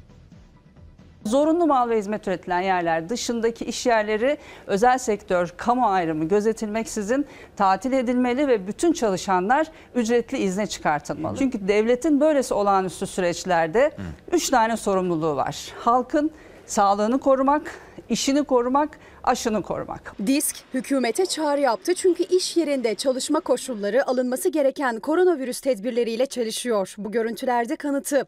İşçiler yemekhanelerde temas kurallarına aykırı şekilde yemek yiyor. Çağrı merkezleri, şantiyeler gibi bir arada çalışılan iş yerlerinde mesai bu şekilde devam ederken bazı iş yerlerinde de işçiler ya ücretsiz izin ya da işten çıkarılmayla karşı karşıya kaldı. İşten çıkartmalar yasaklanmalı, ücretsiz izin asla düşünülmemeli. Bugün işsizlik sigortası fonunda 131 milyar lira var. Bize ait olan, işçiye, işsiz işçiye ait olan bir para bu. Yeter ki burada bu tercih edilsin. Yani örneğin gereksiz kamu yatırımlarına derhal son verilmeli. Bizi çağırdılar şu anda işten. Ne diyerek çıkardılar? İş yok. Bu hastada olduğu şey işte bu ana çağırdılar şimdi. Var kiradayım. Çocuk kaç tane? İki. Kiranız ne kadar? Bir 350. Eşiniz çalışıyor mu? Yok. 37 yaşındaki Mehmet Nezih Bey de 13 gün içinde işinden olanlardan sadece biri kara kara düşünmekten eve sığamadı, kendini dışarı attı. Gözü bir yandan da yasak dışında kalan işletmelerde iş arıyor. Ama onlarda da durum iç açıcı değil. Dışarıdan gelen siparişlerimiz yok. Her zaman durgun yani herkes birbirine bağlı sanırım. Zincirleme gidiyor. Tüm arkası esnaf galiba. Kahve içiyoruz. İş. Yorgunluk kahvesi. Yorgunluk kahvesi. Kapattılar şimdi. Yorgunluk kahvesi içiyorlar. Mecburen burayı açmak mecburiyetindeyiz. Üç taksit borcum var. Ben bunları nasıl ödeyeceğim diye vallahi kabusum oldu. Uykularım kaçıyor. Sade sigortasını yatırmakla şeyiz. Yani 3-5 kuruş açlık verdik ama yömyesini veya maaşını tam anlamıyla veremiyoruz yani. Daha önce 8 çalışanın olduğu bu restoranda 2 çalışan kaldı. Şimdi işveren Fayat Bey masaya oturdu. Hesap kitap yapıyor. Diğer işçileri ücretsiz izne çıkarmak zorunda kaldı. Diğer çalışanların maaşını ise nasıl ödeyeceğini kara kara düşünüyor. Şimdi önünde bir seçenek var. Kısa çalışma ödeneği ancak onun da şartları var. İşveren işçiler adına başvuruyor kısa çalışma ödeneğine ama işçinin bu ödenekten yararlanabilmesi de yine işsizlik maaşı alabilmesi kadar zor. İşçinin ödeme alabilmesi için iş yeri faaliyetinin durduğu tarihten önceki son 120 gün hizmet akdine sahip olması, son 3 yıl içinde en az 600 gün prim ödemiş olması şartı var. İşkur başvuruları almaya başladığını açıkladı. Açılan paketlerde mesela esnaflara bir destek yok. Hep büyük iş yerlerine, büyük iş adamlarına. İşte bir işletme tedbirler kapsamında kapatmak zorunda kaldı. Oysa birkaç güne kadar eleman bile arıyorlardı. Şimdi bu kapı tekrar açılana kadar işletmede çalışanlar kısa çalışma ödeneğinin şartlarını eğer yerine getirirlerse 4380 liraya kadar maaş alabilecekler. Bu maaşı almalarına yetmez yani. Zaruri geçim e, ihtiyaçlarını gideremez. Bir vatandaşımız diyor ki Kırklareli, ben size Kırklareli'nden yazıyorum. Malum üreticilerimizin çoğu 65 yaşın üzerinde. Tarım Bakanlığı bu konuda belki bir çözüm bulur. Kırklareli Valisi Sayın Osman Bilgin 65 yaş üstündeki çiftçilere muhtarlardan izin alarak kontrollü bir şekilde çalışmalarını yapmaya müsaade etti diyor ama bilemiyorum. Bu ne kadar doğru olur çünkü büyüklerimizi korumamız gerekiyor efendim. Çünkü onlar risk altında. Ezgi Hanım diyor ki bütün partilerin haberlerini verdin. HDP'nin açıkladığı paketi de vermelisin diyor. Cahit İsmail çevreme bakıyorum. Bütün inşaatlarda sanki acil bir durum varmış gibi çalışmalar devam ediyor diyor. Aysun Hanım, Aysun Keysan. Ben evdeyim ama eşim banka çalışanı. Akşama kadar onlarca insanla temas edip sonra eve geliyor. Ben de astım hastasıyım. Gayet tabii ki korkuyoruz diyor. Bakın işte bütün bunlar sizlerin görüşleri efendim. Her biri sizlerin görüşleri. Canan Kaftancıoğlu. Biraz evvel Ardan Zentürk'ün mesajıyla sizlere seslenmiştik. Sırada Canan Hanım var. Milli Eğitim Bakanlığı'nın başlattığı uzaktan eğitim videolarında işitme engelli çocuklarımız için işaret dili desteği olmadığı yönünde şikayetler geliyor. Konuyla ilgili bir planlama eğitimde fırsat eşitliği gereği acilen devreye sokulmalıdır. Bu konularda hassasiyet içinde olduğunu bildiğim Rütük Başkanı Ebu Bekir Şahin de belki bu konuya ilgilenebilir. Milli Eğitim Bakanı ile konuşabilir. Çünkü Ebu Bekir Şahin bu konulara karşı çok gerçekten hassastır. Özellikle engellilerimizin de, engelli vatandaşlarımızın da ulaşımı çok önemli. Bilgiye ve habere ulaşımı olduğu gibi burada da Milli Eğitimle belki işbirliği yapılabilir. Anadolu Ajansı pandemi 3 yolla bitebilir. 1. İnsanların bağışıklık kazanması, etkin bir aşı bulunması ve virüsün mutasyona uğraması diyor. Bunun haberi var mı arkadaşlar? Peki bu son derece önemli bilgiyi aktaralım. Bu arada Ankara'dan sizler için demokrasi meydanına davet ettiğim konuğum gelmiş. Biraz sonra kendisiyle hem koronavirüsü, bunun tıbbi bölüm ve boyutlarını, hem alınması gereken tedbirleri, hem bağışıklık sistemimizi nasıl güçlendiririz? Bunları da çok iyi bilen bir isim tıp dünyasından geliyor. Hem de infaz yasasını parlamentodaki partiler arasındaki temasları en yakından bilen bir isim. Bütün bu konuları ve ekonomiyi de detaylı olarak konuşacağım. Konuğum şu anda stüdyolarımıza gelmiş. Fox'a gelmiş. Kendisine de hoş geldin diyorum. Biraz sonra sizlerle buluşturacağım. Hocamızı dinliyoruz şimdi. Hocamızı.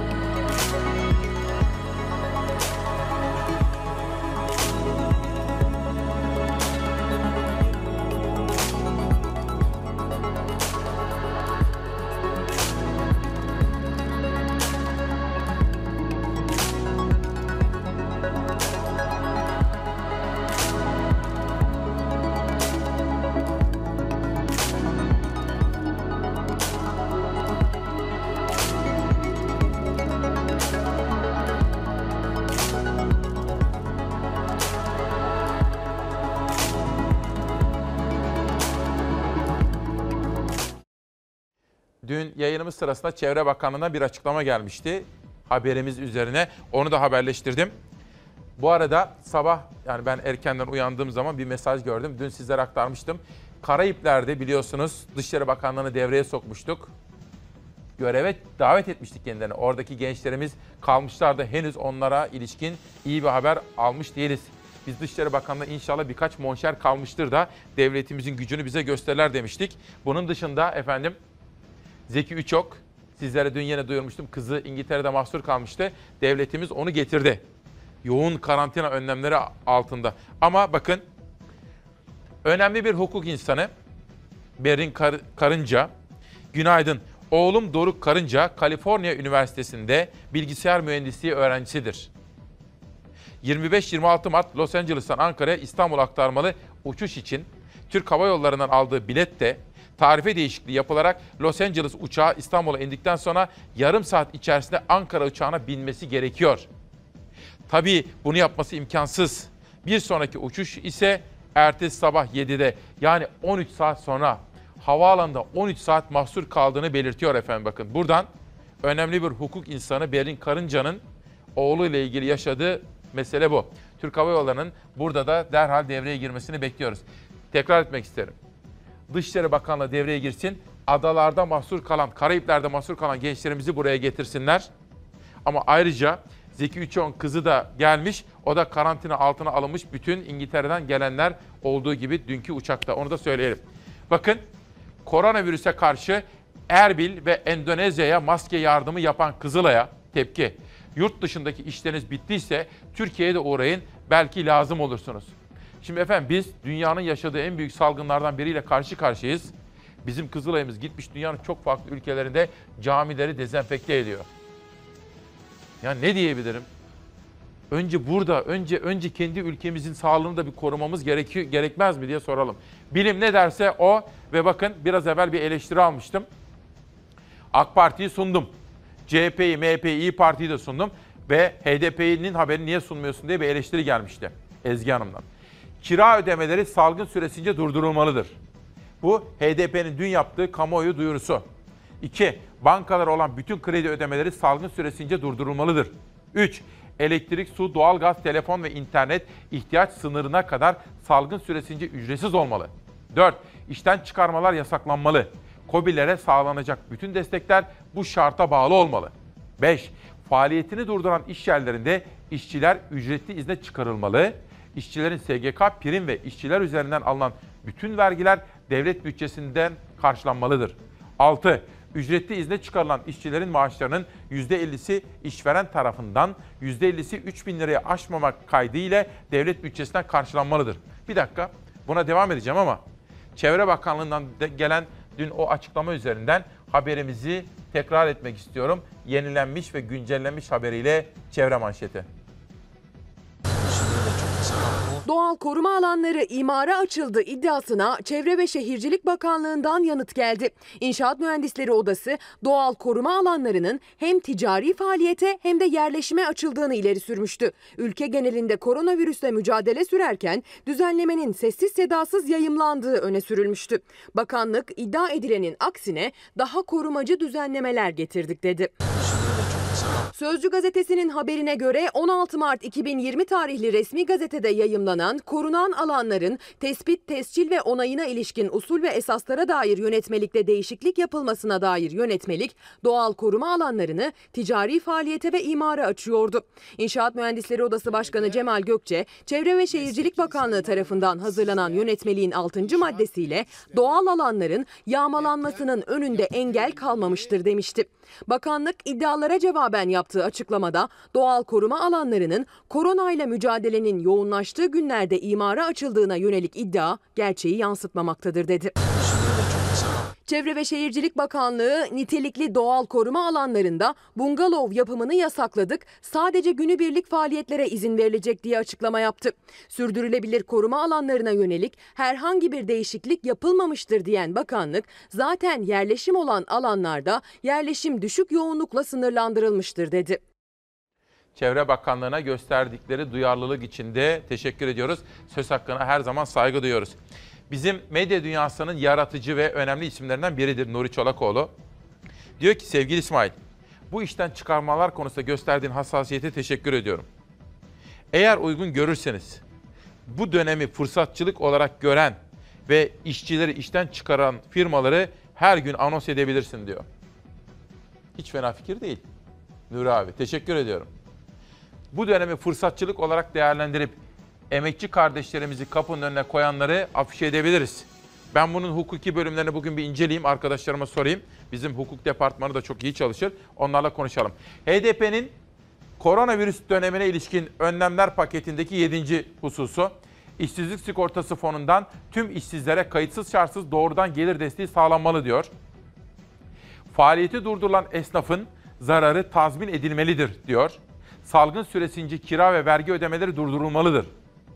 Çiftçi destekleri hemen ödenmelidir. Çiftçi borç ödemeleri salgın süresince durdurulmalıdır. Öğrencilerin kredi yurtlar kurumuna olan borçları silinmelidir. En düşük emekli aylığı 2400 lira olmalıdır. Günlük ev eksenli çalışan, yalnız yaşayan ve çocuklarına bakmak zorunda olan alt gelir grubundaki kadınlara doğrudan gelir desteği yapılmalıdır diyor. HDP 13 maddelik bir önlemler paketi açıkladı efendim. Şimdi yerel gazetelerle Türkiye turuna çıkacağım. Peşine dünya gazeteleriyle dünya turuna çıkacağız. Önce bir kitap tanıtımı yapmama izin veriniz. Selin Erdoğan, Sakarya. Türk bitti demeden bitmez diyor efendim. Kronik kitaptan yeni çıkan kitapta imzalı olarak bize ulaştı. İspanya belki İtalya'dan bile daha fena olabilir. Diyorlar ki İspanya Avrupa'da koronavirüsün yeni merkez üssü olmak üzere. Avrupa'da İtalya'dan sonra en fazla can kaybı yaşayan ülke İspanya oldu. Son 24 saatte 500'den fazla kişi hayatını kaybetti. Toplam ölü sayısı neredeyse 3000'e ulaştı. Virüs 42 binden fazla insanla temas etti. İspanya kabus gibi günler yaşıyor. Birkaç hafta önce virüsün hızla yayılmaya başladığı ülkede sağlık hizmetleri çöktü. Dünya, İspanya'daki insanların hastane koridorlarında yerde yattığı görüntülerin etkisindeyken trajik bir haber daha geldi. Dezenfekte çalışmaları için huzur evlerine giren askerler terk edilmiş yaşlıların cansız bedenleriyle karşılaştı. İspanya Savunma Bakanı Margarita Robles'ten geldi açıklama. Bir değil birkaç huzur evini işaret etti. Yaşlıların terk edildiğini ve birçoğunun yataklarında ölü bulunduğunu belirtti. Ölenlerin ölüm sebepleri netleşmedi ama çalışanların virüs korkusundan binaları terk ettiğinin üzerinde duruldu. Madrid'de 40'tan fazla otel hastanelere dönüştürüldü. 9000'e kadar ek yataklı odalar hazırlandı. Ancak salgın o kadar hızlı ilerliyor ki önlemler yetersiz kaldı. İspanya'da salgının en kötü seyrettiği kent başkent Madrid oldu. 10 binden fazla hastanın olduğu kentte sokağa çıkmak yasaklandı. 14 Mart günü ilan edilen sokağa çıkma yasağının bir ay uzatılması gündemde. Dünyadaki gelişmeleri çok önemsiyorum ve aktarmaya da gayret ediyorum. Affa ilişkinde bugün Abdülkadir Selvi cezaevlerindeki tabloyu yazmış. Biraz sonra Ankara'dan gelen konuğuma da cezaevleri ile ilgili o düzenleme konusunda en son gelinen noktayı soracağım kendisine. Ve bugün Adana 5 Ocak gazetesi Savaş çok duygulu her zaman olduğu gibi Fatih Terim'e vefasını göstermiş. Dualarımız seninle imparator diyor. Galatasaray Teknik Direktörü Fatih Terim'in koronavirüsü testi pozitif çıktı ve tedavi altına alındı. Fatih Terim bunu aşacaktır efendim. Güçlüdür. Bağışıklığı da güçlüdür. Sigara da içmediği için gıdasına, beslenmesine dikkat ettiği, kararlı bir iradeye sahip olduğu için Fatih Terim bu zor dönemi de aşmasını bilecektir. Çalarsat ailesi olarak kendisine geçmiş olsun diyorum. Yeni asır İzmir'deyim. Türk futbolunda virüs karantinası. Sağlık Bakanlığı Fatih Terim'in koronavirüs testi pozitif çıkınca 10 gün önce oynanan Galatasaray Beşiktaş derbisini mercek altına aldı diyor. İzmir'den Anadolu diyorum. Esnaf çaresiz. Koronavirüs vatandaşların sağlığını etkilediği kadar esnafı da ekonomik olarak çıkmaza soktu. Eskişehir gazetesi bugün Eskişehir Büyükşehir Belediye Başkanı da bazı gazetelere verdiği ilanla Eskişehirli vatandaşları evden çıkmamaya davet etmiş efendim. Onun da altını çizelim. Antep'teyim hakimiyet. Söz konusu 150 bin çalışan. Disk Tekstil İş Sendikası Gaziantep Bölge Temsilcisi Mehmet Türkmen, koronavirüs tehlikesi karşısında Gaziantep Organize Sanayi Bölgesi'nde işletmelerin sıkı şekilde denetime tabi tutulmasını istedi efendim. Geçelim Samsun'a. Karadeniz'deyim. Herkes alkışlarken onlar doktor dövdü. Koronavirüs nedeniyle gösterdikleri özverili çalışma nedeniyle herkes sağlık çalışanlarını alkışlarken Samsun'da hasta ve yakınları doktoru darp etti diyor Samsun'da çıkan Halk Gazetesi. Karadeniz'den Aydın'a geliyorum.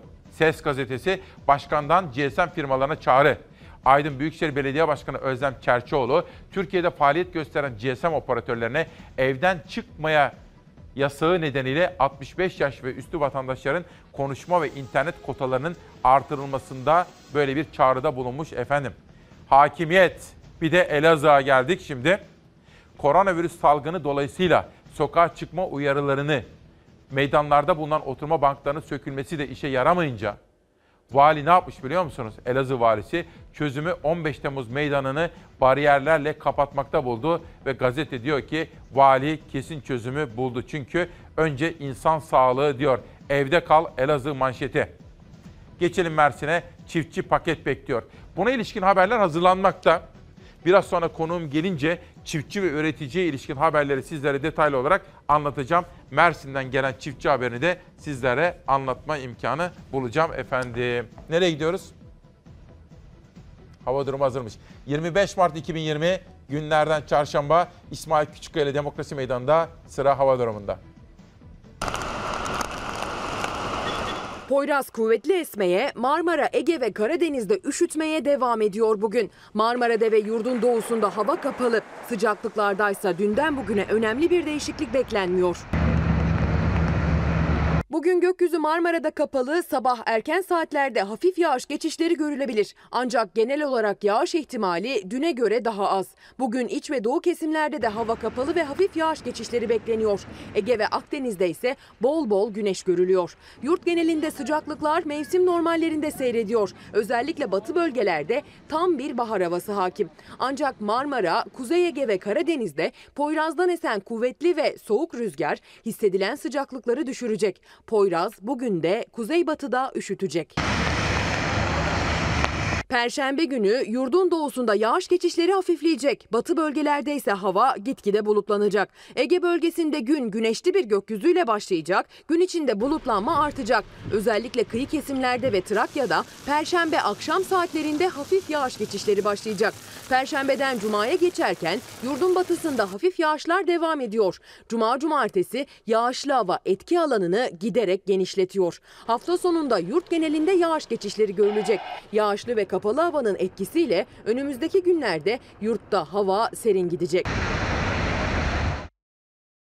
Şimdi bir arkadaşım bana sormuş. Şöyle özet yapayım. Geneli itibariyle aslında başlangıçta çok iyi bir kriz yönetimi yapıldığını kabul ediyorum. Gerek Fatih Portakal gerekse ben İsmail Küçükkaya olarak zaten destek verdik. Ancak şunu da görüyorum. Bazı noktalarda hatalar yapıldı, geç kalındı. Bu gecikme Sağlık Bakanı'ndan mı kaynaklanıyor bilemem. Ama gördüğüm şu. Bir, Umre ile ilgili karar yanlıştı. Özellikle TÜRSAP yöneticisi de yanlış yönlendirdi orada. Sağlık Bakanlığı'yla da belki de danışmadılar. Umre'de geç kalındı. Bakın hala şu anda Suudi Arabistan'da karantinadaki umrecilerimiz var. Umre'den dönüşte hata yapıldı. Maçların seyircisiz oynanması kararı ertelenmemesi hataydı. Bütün o iyi şeyleri söylüyorum ama eksiklikleri de görmüyor değilim. Mesela bence cuma namazı ile ilgili kararı da bir hafta geç aldılar. Orada da bir hata yaptılar. Ama bütünü itibariyle baktığım zaman hatalar da var, eksikler de iyi gittiğimiz yerler de var. Mesela test sayısı az. Çok test yapmamız gerekiyor. Dünyaya bakalım mı efendim? Bakın dünyaya. Bir görsel hazırlattırdım. Bu arada Serdar'ın yerine Savaş Yıldız geldi yönetmen koltuğuna. Savaş şimdi şuradan bir verin, görelim dünyayı. Çin, koronavirüs nedeniyle 3277 Çinli öldü. 81.180 hasta var. Bu arada kelimelere dikkat edin. Dün beni Mustafa Alabora da aradı. Evladım dedi seni çok seviyoruz. Benim yaşım 70'in üzerinde. Vaka demeyelim dedi. Sen dedi Türkçe'ye çok önem veriyorsun dedi. Anlattı. Ben de kendisine duyarlılığı için teşekkür ediyorum. Bundan böyle biz vaka demiyoruz, hasta diyoruz. İtalya 96.176 hastamız var. 6.820 ölümümüz var diyor İtalyanlar. İngiltere'ye geldiğimiz zaman 8077 hasta, İngiltere'de 422 İngiliz hayatını yitirdi. Almanya bu işi en sıkı takip eden ülkelerden birisi oldu. 32.991 hasta, 159 Alman yaşamını yitirdi. Amerika korkmakta şu anda. Özellikle New York valisi dün Trump'ı eleştirdi. 54.981 hasta var, 794 öldü. Türkiye'ye baktığımız zaman 1872 koronavirüs pozitif hastası ve 44 de maalesef hayatını yitiren kardeşimiz var efendim. Şimdi konuğumu huzurlarınıza getireceğim. Ankara'dan geldi. Ama önce zaman zaman bana soruyorsunuz. Geçen gün, iki ya da üç gün önce Ankara'dan 90 yaşının bilgeliği içerisinde bir telefon. Hamit Turgut. Evladım dedi. Bu Suriyeli mülteciler konusunda neden kimse bir şey söylemiyor? Mesela o kadar çok insan sınıra geldi, gitti, geldi. Ne oldu? Hamit amca doğru bir noktaya parmak basıyordu. İzleyelim.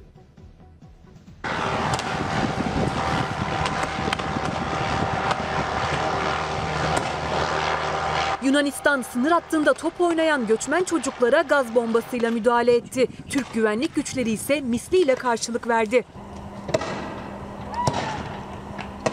Avrupa'ya geçme umuduyla Edirne'deki Pazar Kule sınır hattına akın eden göçmenlerin tampon bölgedeki bekleyişleri 24. gününü geride bıraktı. Göçmenlerin geçişini engellemek için her türlü şiddete başvuran Yunanistan güvenlik güçleri bir kez daha müdahalede bulundu. Müdahale tazikli suyla başladı, gaz bombalarıyla devam etti. Aralarında boş arazide futbol oynayan çocukların da oldu. Yüzlerce sığınmacı gazdan etkilendi.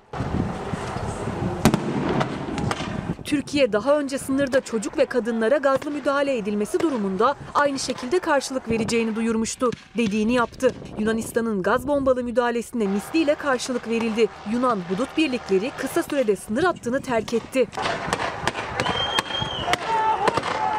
Müdahale sırasında Yunan askeri birliklerince atılan plastik mermi ise bir sığınmacının gözüne isabet etti. Tedavi altına alınan sığınmacı görme yeteneğini büyük oranda kaybetti. Şimdi efendim biz buraya her zaman demokrasi meydanına o günün en önemli konusunu anlatabilecek ehil, bilgili, tecrübeli, işin içindeki insanları davet etmeye çalışıyoruz. İşte 15 gündür buraya Tekirdağ'dan, Bursa'dan, Ankara'dan, İstanbul'dan çok farklı yerlerden uzmanlar geldi. Onları bizim buralara çıkan uzmanları çok televizyonlarda göremezsiniz. Siyasetçilerden de öyle. Şimdi öyle bir isim seçtik ki o da bizi kırmadı, sizler için geldi. Bütün bu konuları kendisiyle konuşacağım. Korona, bunun tedavisi, ilacı, sizlerin almanız gereken tedbirler evde. Mesela hangi ilaçları kullanalım? Bağışıklığımız nasıl güçlenecek? Bütün bunları da konuşacağız. Hükümetin eksiklikleri, fazlaları, doğruları, yanlışları hepsini konuşacağız. İnfaz sistemi, af haberi de hazır. Gelen kişi Özgür Özel. Hoş geldiniz. Hoş bulduk. Nasılsınız? İyi olmaya çalışıyoruz. Nasıl gidiyor Özgür Bey korona günlerinde? Şimdi Türkiye'nin ve dünyanın hiç hazırlıklı olmadığı bir gündemimiz var. Korona eskiden televizyonlarda ilk çıktığında 3. 5. haberdi. İlerledi 1. haber oldu. Şimdi gündem sadece korona ve onun içinde her şey konuşuluyor. Koronanın korona günlerinde ekonomik tedbirler, korona günlerinde çalışma hayatı, insan hakları, toplum psikolojisi. Ee, Biz de siyaset olarak bu korona günlerinde ona uygun bir şekilde toplumun psikolojisini düşünerek bunun e, ulusal bir mücadele olduğunu hatta bütün dünyanın bir virüsle mücadele ettiğini, insanlığın toplam bir mücadele olduğunun farkında olarak hem katkı sağlamaya, gördüğümüz eksiklikler konusunda uyarılar yapmaya, yapıcı önerilerde bulunmaya, bir de en önemlisi toplumu e, çok önemli bir e, dengede tutma noktasında katkı sağlamaya çalışıyoruz. Bu meseleyi önemsemekle paniğe kapılmak arasında çok ince bir çizgi var. En yüksek düzeyde önemsemek gerekiyor ama paniğe kapılmama noktasında da çok dirayetli Şimdi olmak efendim gerekiyor. sizi davet etmemin sebebi ben sizin gibi bütün partilerden onu söyleyeyim e, siyasetçi çağırdım ama siyasetçi değil. Tıp dünyasından siz eczacılık okudunuz. Eczacılık fakültesini bitirdiniz. Eczacısınız ve bunun birliklerinde çalıştınız. Eşiniz de eczacı. Ben dolayısıyla başka partilerden de buraya söyleyeyim. Aytun Çıra'yı da davet ettim. AK Parti'den de önce Sağlık Bakanı olmuyorsa bakan yardımcısı onları da davet ettim. Her partiden, HDP'den bile. Ama tıp dünyasından olmasını istiyorum. Önce sizden bir tıp dünyasından gelen ama aynı zamanda siyasetçisiniz. Şu 14 günlük süreci kısacık bir özetlemenizi, değerlendirmenizi istesem. Türkiye'nin koronavirüste imtihanını nasıl değerlendirirsiniz? 14 günlük süre ikinci evre. Yani ilk vaka tespit edilip resmen artık Türkiye'de korona pozitif bir hastamız var dendiği güne birinci gün diyoruz ve o günden bugüne 14 gün geçti. Ondan önceki bir süre vardı. O dönem koronanın ilk olarak 31 Aralık'ta Çin'de görüldüğü, sonra 13 Ocak'ta Çin dışında ilk vakanın görüldüğü ve dünyaya yayılmakta olduğu bir süreç var. O süreci nasıl değerlendirdik ona bakmak lazım ama en doğrusu şu. Bu korona başlamadan önce bir dünya vardı, bir Türkiye vardı ve bundan sonra başka bir dünya ve bir Türkiye olacak. Kişinin 7 değil 77 sülalesine yetecek kadar parası olan birilerinin parasının bir yerde durup birilerinin sabahleyin çocuklarına kahvaltıyı nasıl yaptıracağını düşüneceği bir dünya düzeninin yeniden tartışılması gerekiyor. Dünyadaki varlıklı yüzde yirminin pardon Türkiye'deki varlıklı yüzde yirmi Türkiye'deki milli gelirin tam yarısını elinde tutuyor. Geri kalan yüzde seksen kalan yüzde ellisini bölüşüyor. Büyük bir gelir dağılımı adaletsizliği. Gelir adaletsizliği var. Sağlığa erişimde, eğitime erişimde adaletsizlikler var. İki tane çocuk doğuyor bugün. Birinin ailesi zenginse her şeyin en iyisine sahip. Diğerinin ailesi yoksulsa her konuda dezavantajlı başlıyor hayata ve bu eşitsizlik hayat boyu sürüyor. Miras hukukunu dahi tartışılması gerektiği bir süreçteyiz. 77 sülalesine yetecek mirası bırakıyor bir tanesi. Öbürü çocuğuna, torununa sadece borç bırakabiliyor veya sadece çok geriden başlanmış bir hayat yarışı bırakıyor. Bunların hepsinin baştan sona tartışılacağı, siyasi tercihlerin tartışılacağı, siyasetçilerin sistemin içinden değil sistemin kendisini tartışacakları ve tartıştıracakları bir süreç lazım. Biz hatayı önce bu kadar eşitsiz bir ülkeye ve bu kadar eşitsiz bir dünyaya isyan etmeyerek veya isyan etmesi gerekenlerin isyanını görmeyerek, onları duymayarak veya onları bir takım geçici tedbirlerle susturmaya çalışarak yaptık. Birincisi bir kere bu tespiti yapmak Bir şey lazım. soracağım. Salih Tuna bugün yazmış, zaman zaman sizi yazıyor. Mesela sizin bu yaklaşım ve söylemlerinizi eleştiriyor. E, Anlayamıyorum diyor mesela. Onun sizin yaklaşımlarınızı biraz popülist mi buluyor acaba? Yok. Esas kendi- burada burada çöken Salih Tuna'nın övdüğü siyaset anlayışı popülizmdir. Dünyada popülizm çökecek, popülizm terk edilecek. Popülizm şudur. Halkın, milletin, vatandaşın hoşuna gideni söyleme. Oysa ki halkçılık hoşuna gideceği yapmaktır. Onun için yeni bir dünya inşa etmektir. Popülizm örneğin popülizm de şöyledir. Milliyetçilik şehit cenazesinin başında yapılır. Oysa gerçek milliyetçilik bu ülkenin çocukları için aşı üretecek fabrikalarının olmasıdır. Milli maçtaki milli duyguların yükselmesi önemlidir de esas bir pandemi, bir salgın hastalık geldiğinde dönüp arkaya hadi bakalım milli ilaç sanayim bu hastalığı nasıl durduruyoruz dediğinizde sizin milli ilaç sanayiniz biz buradayız varız diyebiliyorsa örneğin Küba gibi bütün dünya birbirine kapıları kapamışken hastası olan bize yollasın biz tedavi edebiliriz diyecek bir özgüven varsa bu milliliktir. Salih Bey'in ben eleş- siyaseti eleştirmek üzerine kurulmak zorunda olan birisiyim. Eleştirenlerin eleştirilmesi de çok doğaldır ama Salih Bey bir tek şunu bilsin. O popülist liderlerin peşinden gidiyor. Oysa bize popülist liderler değil, halkın hoşuna gidenleri söyleyecek, onu gaza getirecek değil, halk için iyi şeyler yapacak, gelir adaletsizliğini ortadan kaldıracak, herkes için sağlık ve eğitim sistemi kuracak bir dünya lazım. Özgür Herkes- Bey sizinle bugün hem koronavirüsü konuşacağım. Çünkü eczacısınız. Evet. Tıp eğitimi aldınız. Bu çok önemli. Çünkü sormak istediğim ve öğrenmek istediğim çok husus var bu konuda. Ama bunun dışında geniş kesimlerin bu konudan çok olumsuz etkileneceğini biliyorum. Çiftçi, esnaf, kadın ve emekliler bunlardan biri. Bunları da sormak istiyorum. Bir haberim var, bir gazete. Verin arkadaşlar. Üretim me- meselesi bakın. Bizim İsmail Küçüköy ile Çalar Saat'te üzerinde en çok durduğumuz hususlardan biri budur başkanım. Çiftçi paket bekliyor. Bu Mersin gazetesi. Haber hazır mı arkadaşlar? Evet.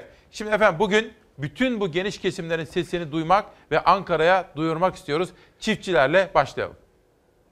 ülkenin genelinde e, neredeyse genelinde olan e, e, pozitif gördüğümüz vakaların olduğunu biliyoruz. Koronavirüsle mücadele sürüyor, salgının daha fazla can almasının önüne geçilmeye çalışılıyor. Ancak akıllara takılan bir soru, koronavirüs üretimi nasıl etkileyecek? Virüs gıda fiyatlarına nasıl yansıyacak? Koronavirüsten sonra yaşanacak en büyük sorunlardan biri gıda sorunudur. Dünya bu olayla yüz yüze gelecektir. Onun için Türkiye olarak bu konuda önlem almalıyız. Çiftçi üretmezse aç kalırız. Gıda güvenliğimizin teminatı yerli üreticimiz ve yerli ürünlerimizdir. Devlet et, süt, bakliyat gibi temel gıda maddelerinin ürün desteğini arttırmalı.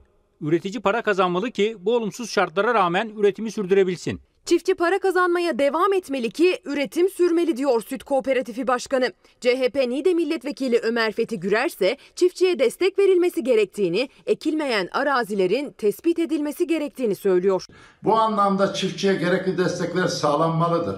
Eğer ilacını, gübresini, tohumunu çiftçi için sağlar isek onun ekim yapmasının da yolunu açarız. Bugün ekilmeyen araziler vardır. Bu araziler bir an önce saptanmalı. Tarım İl Müdürlükleri buralardaki kişilerin neden ekim yapmadığını bellemeli ve bu alanlarda hububat ve bakliyatta öncelikli olarak ekimin yapılması sağlanmalıdır. Koronavirüs tedbirleri kapsamında tüm dünyada işletmeler kapatılıyor, firmalar evden çalışma sistemleri geliştiriyor. Ancak çiftçinin evden çalışma imkanı yok. Tarlada üretimi sürdüren çiftçi risk alıyor. Temel ihtiyaç listesinin başında gelen gıdamızı üreten çiftçinin aldığı riskin karşılığı verilmeli diyor uzmanları. Çiftçinin evde kalma şansı yok. Çiftçi evine kapanır üretmezse insanlar aç kalır. Evinde virüs salgınının geçmesini beklemek yerine riske girerek tarlasında gıdamızı üretip karnımızı doyuruyorsa çiftçimize sahip çıkmaya mecburuz. Yapmamız gereken öncelikle çiftçilerin borçlarını ötelemek, faizlerini silmek, çiftçiye destek vermektir. Şu anda ekim dönemindeyiz. Tarım kredi kooperatifleri ilacı, gübreyi ve bunun gibi çiftçinin ihtiyacı olanları bedelsiz olarak vermeli. Hasat döneminde bunu tahsil etmelidir. Koronavirüs salgını bittiğinde, hayat normale döndüğünde gıdada sorun yaşamak istemiyorsak önlem almak şart. Evet efendim kendisi de bir tıp dünyasından olduğu için, eczacı da olduğu için, bu konuyu yakın takip ettiği için Özgür Özel'le konuşacağım. Tekrar etmek istiyorum. Farklı partilerden de böyle konukları zaman zaman davet edeceğim ama tıp dünyasından olması hasebiyle. Özgür Bey sizin partinizden açıklanan paketi dün yayınladık. Yayınladık. Biz burada aktardık. AK Parti'nin anketini şeyini ara- araştırmasını ve paketini de yayınlamıştık. İyi Parti'yi de dün yayınlamıştık. Bugün de HDP'ninki ortaya çıktı. Şimdi önce şöyle bir sormak istiyorum. Böyle bir bakalım koronavirüs 14 günde bu hükümet ve Sağlık Bakanlığı bütünüyle nereleri doğru yaptı, nereleri yanlış yaptı? En doğrusu bilim kurulunu oluşturmak. Bir bilim kurulu oluşturuldu ve önerileri alınıyor. Politikalar buna göre belirleniyor. Bilim kurulunun önerileri ne kadar uygulanıyorsa doğru işler yapılıyor. Ne kadar gecikiliyorsa ya da ne kadar terk ediliyorsa yanlış işler yapılıyor. Bilim kurulu doğruydu.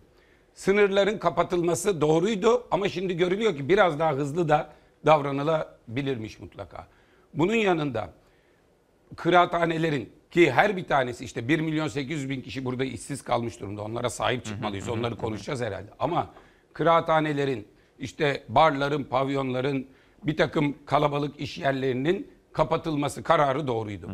65 yaş üstü kararı doğruydu. Gecikmiş bir karardı ama iletişiminin daha doğru yapılması bir e, yaşlılar üzerinden onları biraz alaya alan, biraz hafife alan, birazcık yaşlılar için neredeyse nefret söylemine varacak bir takım sosyal medya paylaşımlarına sebebiyet verecek bir şekilde anlatıp da sanki yaşlılar hastalığı yayıyormuş gibi bir algı yaratılması psikolojisini iyi yönetemedik ama 65 yaş üstünün evden çıkmaması için çağrı yapmak doğruydu. Evden çıkmalarının yasaklanması doğruydu. Ancak o konuda sanki hastalığın kaynağı yaşlılarmış gibi Tabii. onları hedefe koyan ve incitecek bir Özellikle bazı terbiyesizler Evet. gördük. Onlara bir çift lafım olacak biraz Evet sonra. o, o kı- işin o kısmı e, eksikti ama sonuçta doğru. Yanlışa gelince evet. en baştaki yanlış böyle bir Türkiye'nin şu anlaşılıyor ki bir e, salgın hastalıkla mücadele e, eylem planı yok önceden. Şimdi şimdi yani e, şu anda anlık olarak hazırlanıyor ve yapılıyor. Oysa ki baştan böyle bir şeye, böylesine bir küresel salgının Türkiye'ye yansımalarına hazır olmak lazımdı. Nasıl? Haber alındığı günden beri neleri yanlış yaptık dersek ne yapmışız? 500 bin test kiti ihraç etmişiz Amerika'ya ve bir günlerde bundan övünüyorduk. Oysa ki şimdi anladık ki o kitler bize lazımmış. Bir salgın yaklaşırken test kitlerini ihraç etmek, maskeleri ihraç etmek, işte bugün ihtiyaç olacak yoğun bakım malzemelerini bugün istediğinizde ithal edemiyorsunuz ama ithal edilebilecek zamanda var gücümüzle örneğin solunum cihazlarını ithal etmek ya da bunların yerlilerini ürettirmek için ancak müjdeyi salgının dünyadaki salgının işte üzerinden e, iki buçuk ay geçtikten sonra hamle yapmak bu açıdan yanlıştı. En büyük yanlışımız az test yapmaktı. Dünya Sağlık Örgütü test test test diyor. Üç uyarımız var diyor. Üçü de test. Dördüncü bir tanesi yok. Az test yapmaktı. Türkiye bugüne gelindiğinde daha testte 20 binli rakamlarda.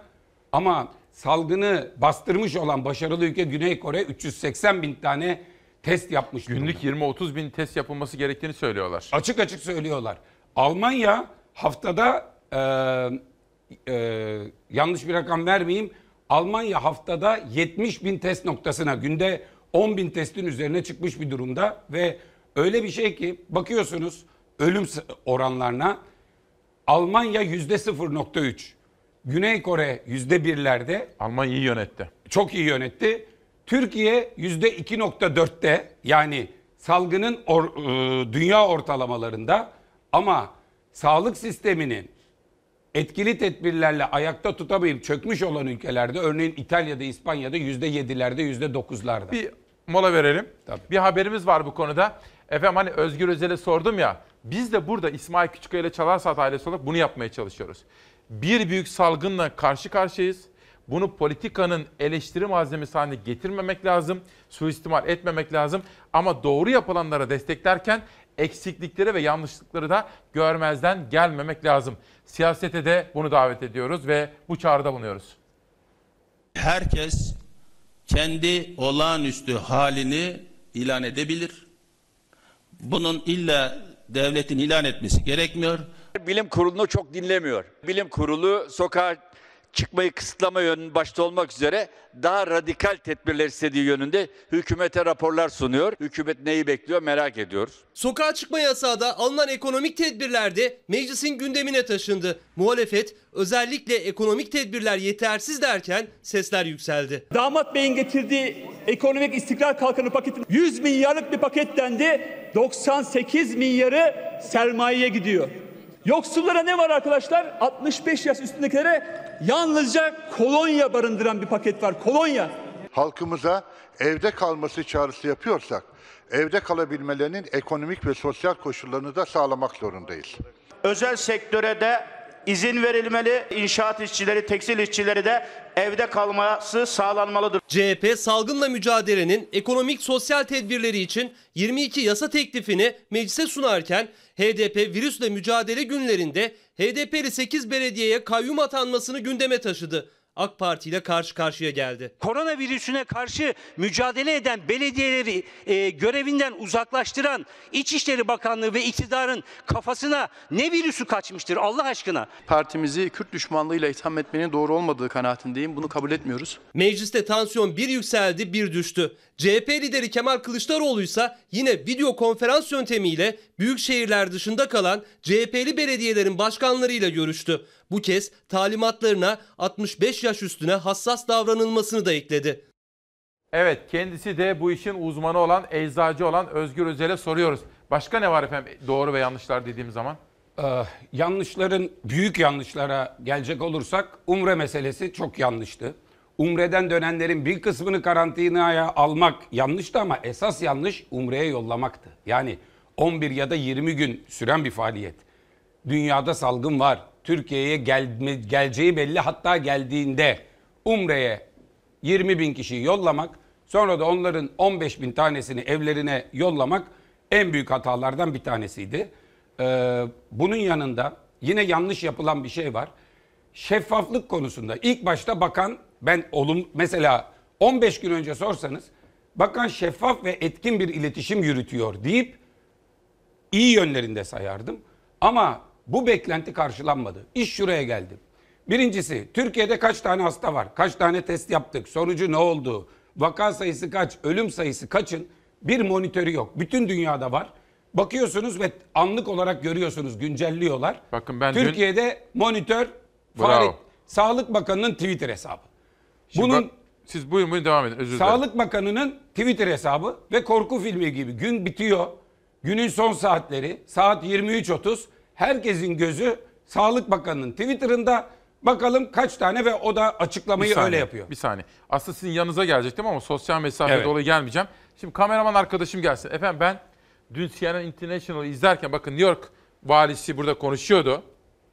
Bakın ama tam Özgür Özel'in söylediği bakın. Ben hatta bunu yönetmenime falan yolladım. Bakın total yani toplam vaka sayısı, toplam hasta sayısı dünyada 395 bin. Dünyada toplam ölü sayısı 17.241. Anlık böyle sayı söylüyorlar. Amerika'da toplam hasta sayısı 43.925, ölü sayısı 547. Ya böyle olması lazım. Birincisi anlık. Herkesin ulaşabileceği sürekli güncellenen resmi bir e, monitör ekran olacak. Herkes bakacak. Dünya Sağlık Örgütü yapıyor bütün. Biz de Sağlık Bakanı günde bir kere günün bitmesine yakın korku filmi gibi bir tane tweet atıyor. Herkes oradan öğreniyor. Onu bekliyor. Bu doğru değil. Bu olmaz. İkincisi Peki. gecenin 12'sinde ilk basın toplantısında biz Sağlık Bakanı'nın sesini hemen hemen her gün veya o değilse de Sağlık Bakanlığı'nın bir sözcüsünü her gün hatta günde birkaç kez gelişmeler oldukça duyabileceğimizi sandık duyamadık. Gazetecilerin soyu sorabileceğini sandık. Daha sonra o imkan ortadan kalktı ve şeffaflık konusu. Bel, şeffaflık şöyle bir şey. İnsanlar merak ediyor. Merakları bastırılmadığında bu sefer devreye kulaktan kulağa dolaşan söylentiler giriyor. Bunun için kim ölmüş? Hangi şehirde kaç tane ölü var? Hangi şehirde kaç tane vaka var? Bunu merak ediyorlar. Peki. Bunu şunu söyleyeyim. Şeffaflık. Açıklamıyorsunuz ya bunu. Şeffaflığın iki şeyi var. Ya açıklayacaksınız ya neden açıklamadığınızı açıklayacaksınız. Yani rıza üreteceksiniz. Diyeceksiniz ki İtalya, Kuzey İtalya'daki vaka sayısını söyleyince ülkede iç göç oldu. Millet oradan kaçtı güneye, güneye de hastalık yayıldı. Ben böyle bir şey yaşanmasın diye açıklamıyorum derseniz insanlar oldu der. Ama hastaların isimleri gizli, hayatını kaybedenler gizli, cenaze gizli, mesleği gizli, şehri gizli olunca Peki. ve bunun gerekçesi anlatılmayınca vatandaşın bu şeffaf, şeffaf olmayan iletişime tepkisi bu sefer alternatif kanallardan beslenmek Peki. oluyor. Sosyal medyaya dönelim. Bakalım birkaç soru var. Özgür Mumcu, evden eğitim nedeniyle birçok veli çocuklarının nasıl bir müfredatla öğrenim gördüğünü somut olarak tecrübe edecek. Bunu biraz sonra soracağım size. Emeklilerimizle ilgili sorularım var. İşsiz kalanlarla ilgili de sorularım var. Bu arada dün Şafak Pavey aradı. Evet. Çok da selam söyledi. Sağ olun. Dedi ki eğitim biz onlar tabii Birleşmiş Milletler gözlüğünden de bakıyor. Türkiye'de uzaktan eğitimde engelli çocuklar için hem görme engelliler için hem işitme engelliler için hiçbir tedbir yok. Ve sayıyı küçük sanmayın 500'er bin tane işitme ve görme engelli çocuk var. Ve uzaktan eğitimde bu hiç düşünülmemiş dedi. Peki. Bu uyarıyı da buradan Şafak Çok- Pavey selamıyla Bravo, Sağlık bravo. E, Milli Eğitim Bakanı'na iletmiş oldum. Ben biraz önce bu haberi verirken Rütük Başkanı'na da seslendim. Ha, O da bu doğru. konularda çok duyarlı Tabii. birisi. Demek ki bunu gündem yapacağız. Devam edelim. Geçmiş olsun Fatih Hoca. Nebil Özgen Türk de Fatih Terim'le ilgili olarak Fatih Terim'e hem geçmiş olsun diyor hem de Fatih Hoca'nın yapmış olduğu o uyarıların neden dinlenmediğini sorguluyor. Devam edelim. Tim Başkanı Gülle günlük 1 milyon adet maske ve 100 bin litre dezenfektan üretilecek diyor. Fatih Yaşlı hani Sağlık Bakanı'nın kriz yönetiminin beğenilmesini Cem Toker bir paylaşım yapmış. Kriz yönetiminde Sağlık Bakanı'nın hımbıl bir bürokrat değil de yönetim tecrübeli bir iş adamı olması olumlu katkı sağlıyor. Böyle düşünenler de çok.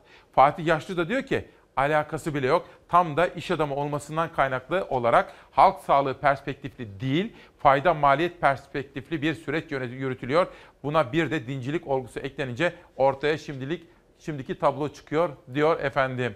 Bir paylaşım daha gelsin. Ha yargı paketi. Şimdi siz parlamentodaki çok etkin bir isimsiniz. Ve dün partiler arasında ziyaretler yapıldı. Bunu da sizlere soracağım. Efendim müsaade eder misiniz? Bizim bağımsızlığımızın teminatı, özgürlüğümüzün garantisi reklamlarımız. Reklamlardan sonra 10.30'a kadar devam edeceğiz.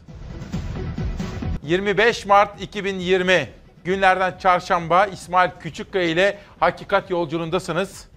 Kendisi de bir tıp dünyasından gelen, eczacılık eğitimi alan ve yıllarca meslek birliklerinde görevlerde bulunmuş, eşi de eczacı olan bir siyaset insanı Özgür Özel. CHP'nin grup başkan vekili. 5 yıldır CHP'nin grup başkan vekili Özgür Özel'le sohbetimize devam ediyoruz. O kadar çok so- soru birikti ki başkanım. Ama önce bir son dakika gelişmesi. Ticaret Bakanlığı bir açıklama yaptı. İthalatta vergiler sıfırlandı. Neyin ithalatında? Tek kullanımlık tıbbi malzemenin, solunum cihazının ve etil alkolün ithalatında vergiler sıfırlandı. Bu demek ki yurt dışından çok kolayca bu ürünler getirilebilir. Tekrar etmek istiyorum ve alt yazıda da bunu yazalım arkadaşlar. Ticaret Bakanlığı bir açıklama yaptı. Tek kullanımlık tıbbi malzemelerin solunum cihazının ve etil alkolün yurt dışından getirilirken alınan vergisi sıfırlanmış oldu. Başkanım. Bunu buyurun. 14 gün önceki ilk öneri paketimizin en önemli maddesiydi bu. Bugün de olsa yerine getirilmesi önemli. Evet. Alkolde vergi sıfırlarken de e, şeker fabrikalarını kapattan kafanın şimdi başını duvarlara vuruyor olması lazım. Peki. Milli şeker fabrikanız yoksa alkolü dışarıdan almaya mecbur kalırsınız. Şimdi bana gelen en çok sorular sizinle 10.30'a kadar bunu konuşmak istiyorum. Sokağa çıkmayın diyorsunuz da işsiz kalıyorum. Ekmek derdindeyim, ekmek kavgasındayım diyen, emekli, ben ne yapacağım evladım diyen, maden ocağına iniyorum. Soma'dan geldiniz. Soma'daydınız ben sizi ilk aradığımda yayına geçen hafta davet ettiğimde değil mi? Soma'daydınız. Hepsini konuşmak istiyorum. Ama önce Çalarsat gazetesi gelsin. Koronavirüs affı. Cinsel suçlar, kasten adam öldürmek, uyuşturucu madde ticareti, örgütlü suçlar, terör suçlarını işleyenler ile tekrar suç işleyenler yarı yarıya infaz kapsamı dışında olacak. Bu 5 suçtan herhangi birinden 10 yıl ceza alan birinin infazı 7,5 yıl olacak. Gülizar Biçer Karaca'nın sözleri var. Türk Kadın Dernekleri Federasyon Başkanı Canan Güllü Türkiye'yi uyarıyor. Hatta Sayın Cumhurbaşkanı Erdoğan'a sesleniyor. Erdoğan'ın geçmişte yaptığı açıklamalardan bahsediyor. AK Parti'nin parlamentodaki etkin ismi Profesör Naci Bostancı bu diyor sadece infaz taslağı. Henüz resmileşmiş ve kesinleşmiş bir şey yok diyor. Özgür Özel parlamentoda neler konuşuldu? Dünkü milletvekilleri arasındaki partiler arasındaki ziyaretlerde neler tartışıldı onu bize anlatacak. Ama önce haber hazır mı? İzleyelim. Uyuşturucuyla ilgili ve cinsel istismarla ilgili bu bizim hassasiyetimiz. Bu maddenin burada olmaması gerektiğini e, düşünüyoruz. paketinin içinde cinsel suçların yer alması hakikaten bir garabettir. Bu bizim virüs kadar tehlikeli bir kıyametimizdir. AK Parti MHP uzlaşmasıyla muhalefete götürülen ceza infaz indirimi ve denetimli serbestlik taslağına uyuşturucu ve cinsel suçlar da girdi. Muhalefet itiraz yükseltti. AK Parti bu sadece bir taslak deyip frene bastı. Hazırladığımız infaz taslağı adı üstünde sadece bir taslak. Tüm partilerin yaklaşımını görmek istediğimiz bir zemin. cinsel istismar suçlarındaki bir infaz indirimine e, evet dememiz ve kabul etmemiz de mümkün değildir. Sonuna kadar da bu taslakta yer alan düzenlemenin parlamento çatısı altından çıkartılmaması için de mücadele edeceğiz. Kadın örgütlerinden milletvekillerine kadar tepki çeken taslağa göre mükerrer suçlarla birlikte uyuşturucu ticareti ve cinsel suçlarda koşullu salıverilme oranı düşürülüyor. Cezanın kalanını çekme oranı da %75'ten %67'ye indiriliyor. Taslakta bir yıldan 3 yıla çıkarılan denetimli serbestlik düzenlemesi cinsel suçları da kapsıyor. Yani bunu kabul edilemez buluyoruz. Bu ülkenin çocuklarına yapılmış suçları affedebilecek kişiyi tanıyamıyorum ben. Parlamentosunda bu işe imza atacak, onay verecek insanların akıl ve ruh sağlıklarını düşünmek istiyorum aslında. Nihai teklif görüşmelerin ve son değerlendirmelerin ardından belli olacak. Taslak üzerine spekülasyon yapmak kesinlikle yanlıştır. Sürece zarar vericidir. Virüs kadar tehlikeli olan bu düşüncenin eyleme geçmiş halini genel kurula indirip oylatmayalım.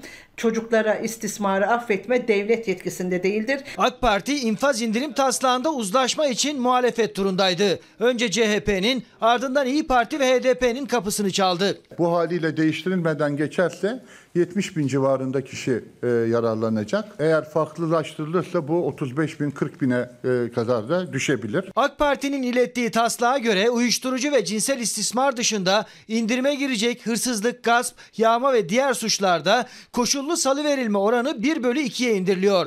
Kasten öldürme, terör ve örgütlü suçlarsa infaz indiriminin dışında bırakılıyor. Biz rastgele cezaevlerine girenlere cezaevinin kapısını açamayız. Sayın Cumhurbaşkanı'na seslenmek istiyorum. Onay vereceğiniz makamın çocuklarda tecavüzü onaylayacak bir makam olmadığına inandığınızı ve inandığımı söylemek istiyorum. Düşünce suçlularının, gazetecilerin, tweet atanların affedilmediği bir süreçte cinsel suçların affedilmesi de gerçekten akla ziyan bir davranıştır.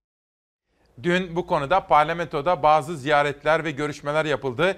Parlamentodan gelen Özgür Özel'e soralım. Ne oluyor efendim? Öncelikle şu, biz yıllardır cezaevlerini inceleriz. Ben o komisyondaydım. Veli Ağbaba ve Nurettin Demir defalarca haberleştirdiniz. Biz cezaevlerindeki kapasite sorununu, cezaevlerinde insanlık dışı şartları, nöbetleşe uykuyu, nöbetleşe nefes alıp vermeyi defalarca raporlaştırmışız. Ve bir düzenlemenin yapılmasını hep söyledik. 24 Haziran seçimlerinde 2018'de MHP seçim öncesi af söylemini ortaya attı. Daha sonra bir yasa teklifini verdi ama arkasında durmadı. Komisyonu çağırmadı bile. 23 Haziran İstanbul'un tekrar seçiminde de Adalet ve Kalkınma Partisi infazla ilgili bir müjde verdi ama seçimden sonra bıraktılar. Geçen sene 9 Temmuz'da parlamentoyu kapatıp giderken nereye gidiyorsunuz demiştik. Gelin bunu konuşmamız lazım demiştik. 1 Ekim'de yapacağız. Birinci yargı paketi, ikinci yargı paketi derken buraya kadar kaldı. Bizim ikna edemediğimiz MHP ile AKP'yi koronavirüs ikna etmiş görünüyor. Bunu bir altını çizmek lazım. Af çok önemli. Ama infaz düzenlemesi çok önemli. Ama infaz adaleti diye bir şey var. Meclisin infaz adaletinin önüne geçmek gibi bir hakkı yok. Zaten geçmiş Anayasa Mahkemesi kararları da böyle. İkincisi, nereden çıktı şimdi? Bir pozitif duyguyla hareket ediyorken biz hep beraber. Çocuk istismarına af nereden çıktı? Kadına karşı şiddete af nereden çıktı? Cumhurbaşkanı eğer bir affa başlayacaksa ve bir toplumsal kucaklaşma, toplumsal mütabakat arayacaksak ilk Cumhurbaşkanı hakaretten dava açtığı milyona yaklaşan vatandaşı affetmesi lazım. Çünkü ortamı geriyorlar, geriyorlar, kutuplaştırıyorlar. İnsanlar sosyal medyadan bir yorum yapıyor. Cumhurbaşkanı hakaretten dünya kadar Bir şey ağır soracağım. cezalar. Siz parti olarak bu düzenlemeyi aslında destekliyorsunuz değil Şimdi mi? Yani destekliyoruz. yani infaz sisteminde değişikliği destekliyorsunuz. Bak geçen hafta ne dediler? İnfaz sisteminde değişik pozitif katkı sağlarız dedik. Güzel. Gelin konuşalım dedik. En önemli katkıları biz yapacağız dedik. Ama af dediğiniz mesele bu bir kısmi aftır. İstenen kadar af denmesin. Çünkü af denince parlamentoda 5'te 3'lük çoğunluk aranır. Buna bilerek af demiyorlar ki normal salt çoğunlukla geçirebilelim ama bal gibi de kısmi bir af bu.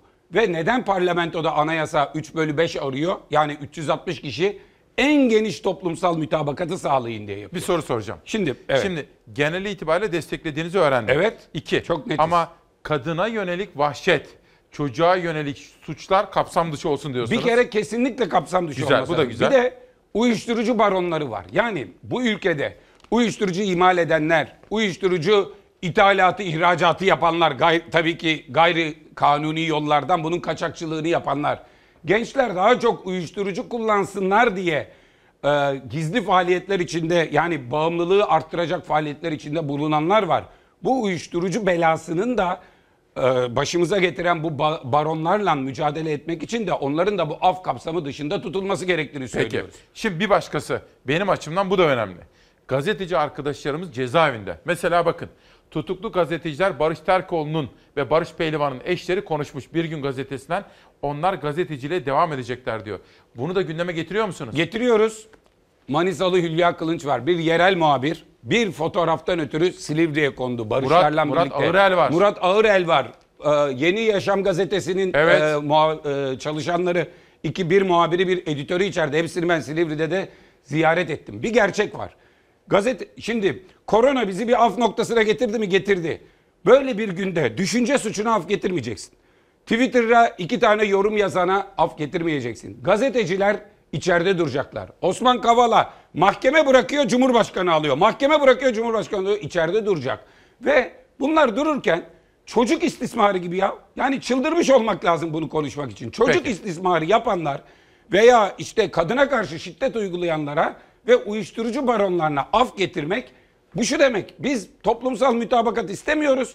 Biz bir iş yapacağız ve sürekli... Ama Naci Bostancı şunu söylüyor. Ha, o, o çok olumlu bir yaklaşım. Ha, Onu bu da diyor söyleyeyim. bir tekliftir diyor, taslaktır. Belki diyor sizden bu kırmızı ışık kırmızı ışığı görünce vazgeçebilir. Ha, Naci Peki. Hoca'nın bu yaklaşımı takdire şayan. Ama AK Parti'nin ortaya koyduğu kapsam boşu boşuna kadınları karşına al, toplumun tamamını karşına böyle af Peki. olmaz. Şimdi efendim biraz ekonomiye bakmak Evet. istiyorum. Çünkü koronavirüsle ilgili sorular geliyor. Onları da soracağım sizlere. Fakat bunun ekonomiye yansımaları çarşıya, pazara, piyasalara. Çünkü efendim biz çok ciddi bir ekonomik daralmanın zaten içindeydik. Üstüne bir de bu korona mereti geldi. Şimdi fakir fukara nasıl geçinecek? İşte bunu düşünmekteyiz. Burada tek tek hep birlikte mücadele edilmesi gereken bir dönemdeyiz. Yani herkes kendi olağanüstü halini ilan edebilir. Beni bu değil de beni sonrası korkutuyor. Sağlık Bakanı kişisel OHAL çağrısında bulundu. Gençlere seslendi, hayatınızı yavaşlatın dedi. Ama hem fabrikalardan gelen görüntüler hem de ekonomik darlık vatandaşı zorluyor. Salgının süresi belirsiz. Sağlık için evinde oturan çalışanlarsa koronavirüs salgınının işsizlik salgınına dönüşmesinden korkuyor. Ekonomiler çöktükten sonra bu kadar işletmeler kapandıktan sonra bence bu koronadan çok daha vahim bir durum yani. Eğlence yerleri, tiyatro, sinema, konser salonları, gösteri merkezleri, lokanta, kafe, gazino, kahvehaneler, oyun salonları, spor merkezleri. 150 bine yakın iş yeri İçişleri Bakanlığı'nın genelgesiyle çalışmaya ara verdi. Genelgeye tabi olmayıp kapısına kilit vuranlar da oldu. Yüz binlerce çalışan evde sağlığını korumaya çalışıyor ama endişeyle. Çünkü birçoğu ücretsiz izne çıkarıldı ve salgın uzarsa ekonomik güçlük başlayacak. Bu bir şekilde bitecek. Her şeyin bittiği gibi bir şekilde bu da duracak. Ama bundan sonraki gelecek ekonomik çözümü ne yapacağız? Türkiye'de örgüsüz olan 13 milyona yakın hizmet sektöründe çalışan insanlar var. İşverenlerimiz de özellikle bugünlerde bu süreçte işçi çıkartmasın. 20 sene yanında çalışan işçiye 20 gün cebinden ücretini ödese ne olur ki? Yani dünyanın sonu mu gelir? Ücretsiz izinleri gündeme getiriyor. İşten çıkartmalar başladı. İşten çıkartmalar yasaklanmalı. Ücretsiz izin asla düşünülmemeli. Bütün çalışanlar açısından e, ücretin güvencesini devlet sağlamalı. Sendika temsilcileri işçi mağduriyetlerinin giderilmesi için devletin kaynak ayırması gerektiğini savundu. Avrupa ve özellikle Kanada'da olduğu gibi. Kanada Başbakanı 83 milyar dolarlık bütçe ayrıldığını ifade etmişti. Çalışanlar da evde kaldıkları süre boyunca maaşlarını almayı sürdürecek. Türkiye'de ise önlemler banka kredilerinin ertelenmesinden öteye geçmedi. Kanada formülünün Türkiye'de de sağlanabilmesi için kaynak olarak işsizlik fonu işaret ediliyor. Bugün işsizlik sigortası fonunda 131 milyar lira var. Bize ait olan işçiye, işsiz işçiye ait olan bir para bu. 3 ay boyunca örneğin bu salgının 3 ay süreceğini öngörürsek 3 ay boyunca bütün çalışanlara, kamu çalışanların ücretini zaten devlet ödüyor. İşçiler açısından da 3 ay boyunca bir ücret ödemesi yapıldığında bulunması gereken kaynağın 150 milyar civarında olduğu söyleniyor ki bu hem işsizlik sigortası fonu hem devletin kaynakları buna yeterli. Ya bütçe açması gerekiyor bu emeklileri işçiye, memura. Nedir yani? Peki Özgür Özel'e soralım. Bir kere Antalya'dan turizmci Ece Hanım bir soru soruyor. Onu da sizlere yönelteceğim ama. Şimdi biz evde kalın diyoruz başkanım. Evde kalmak aslında izolasyon için önemli. İyi de bu hayat koşullarında nasıl kalacaklar evde?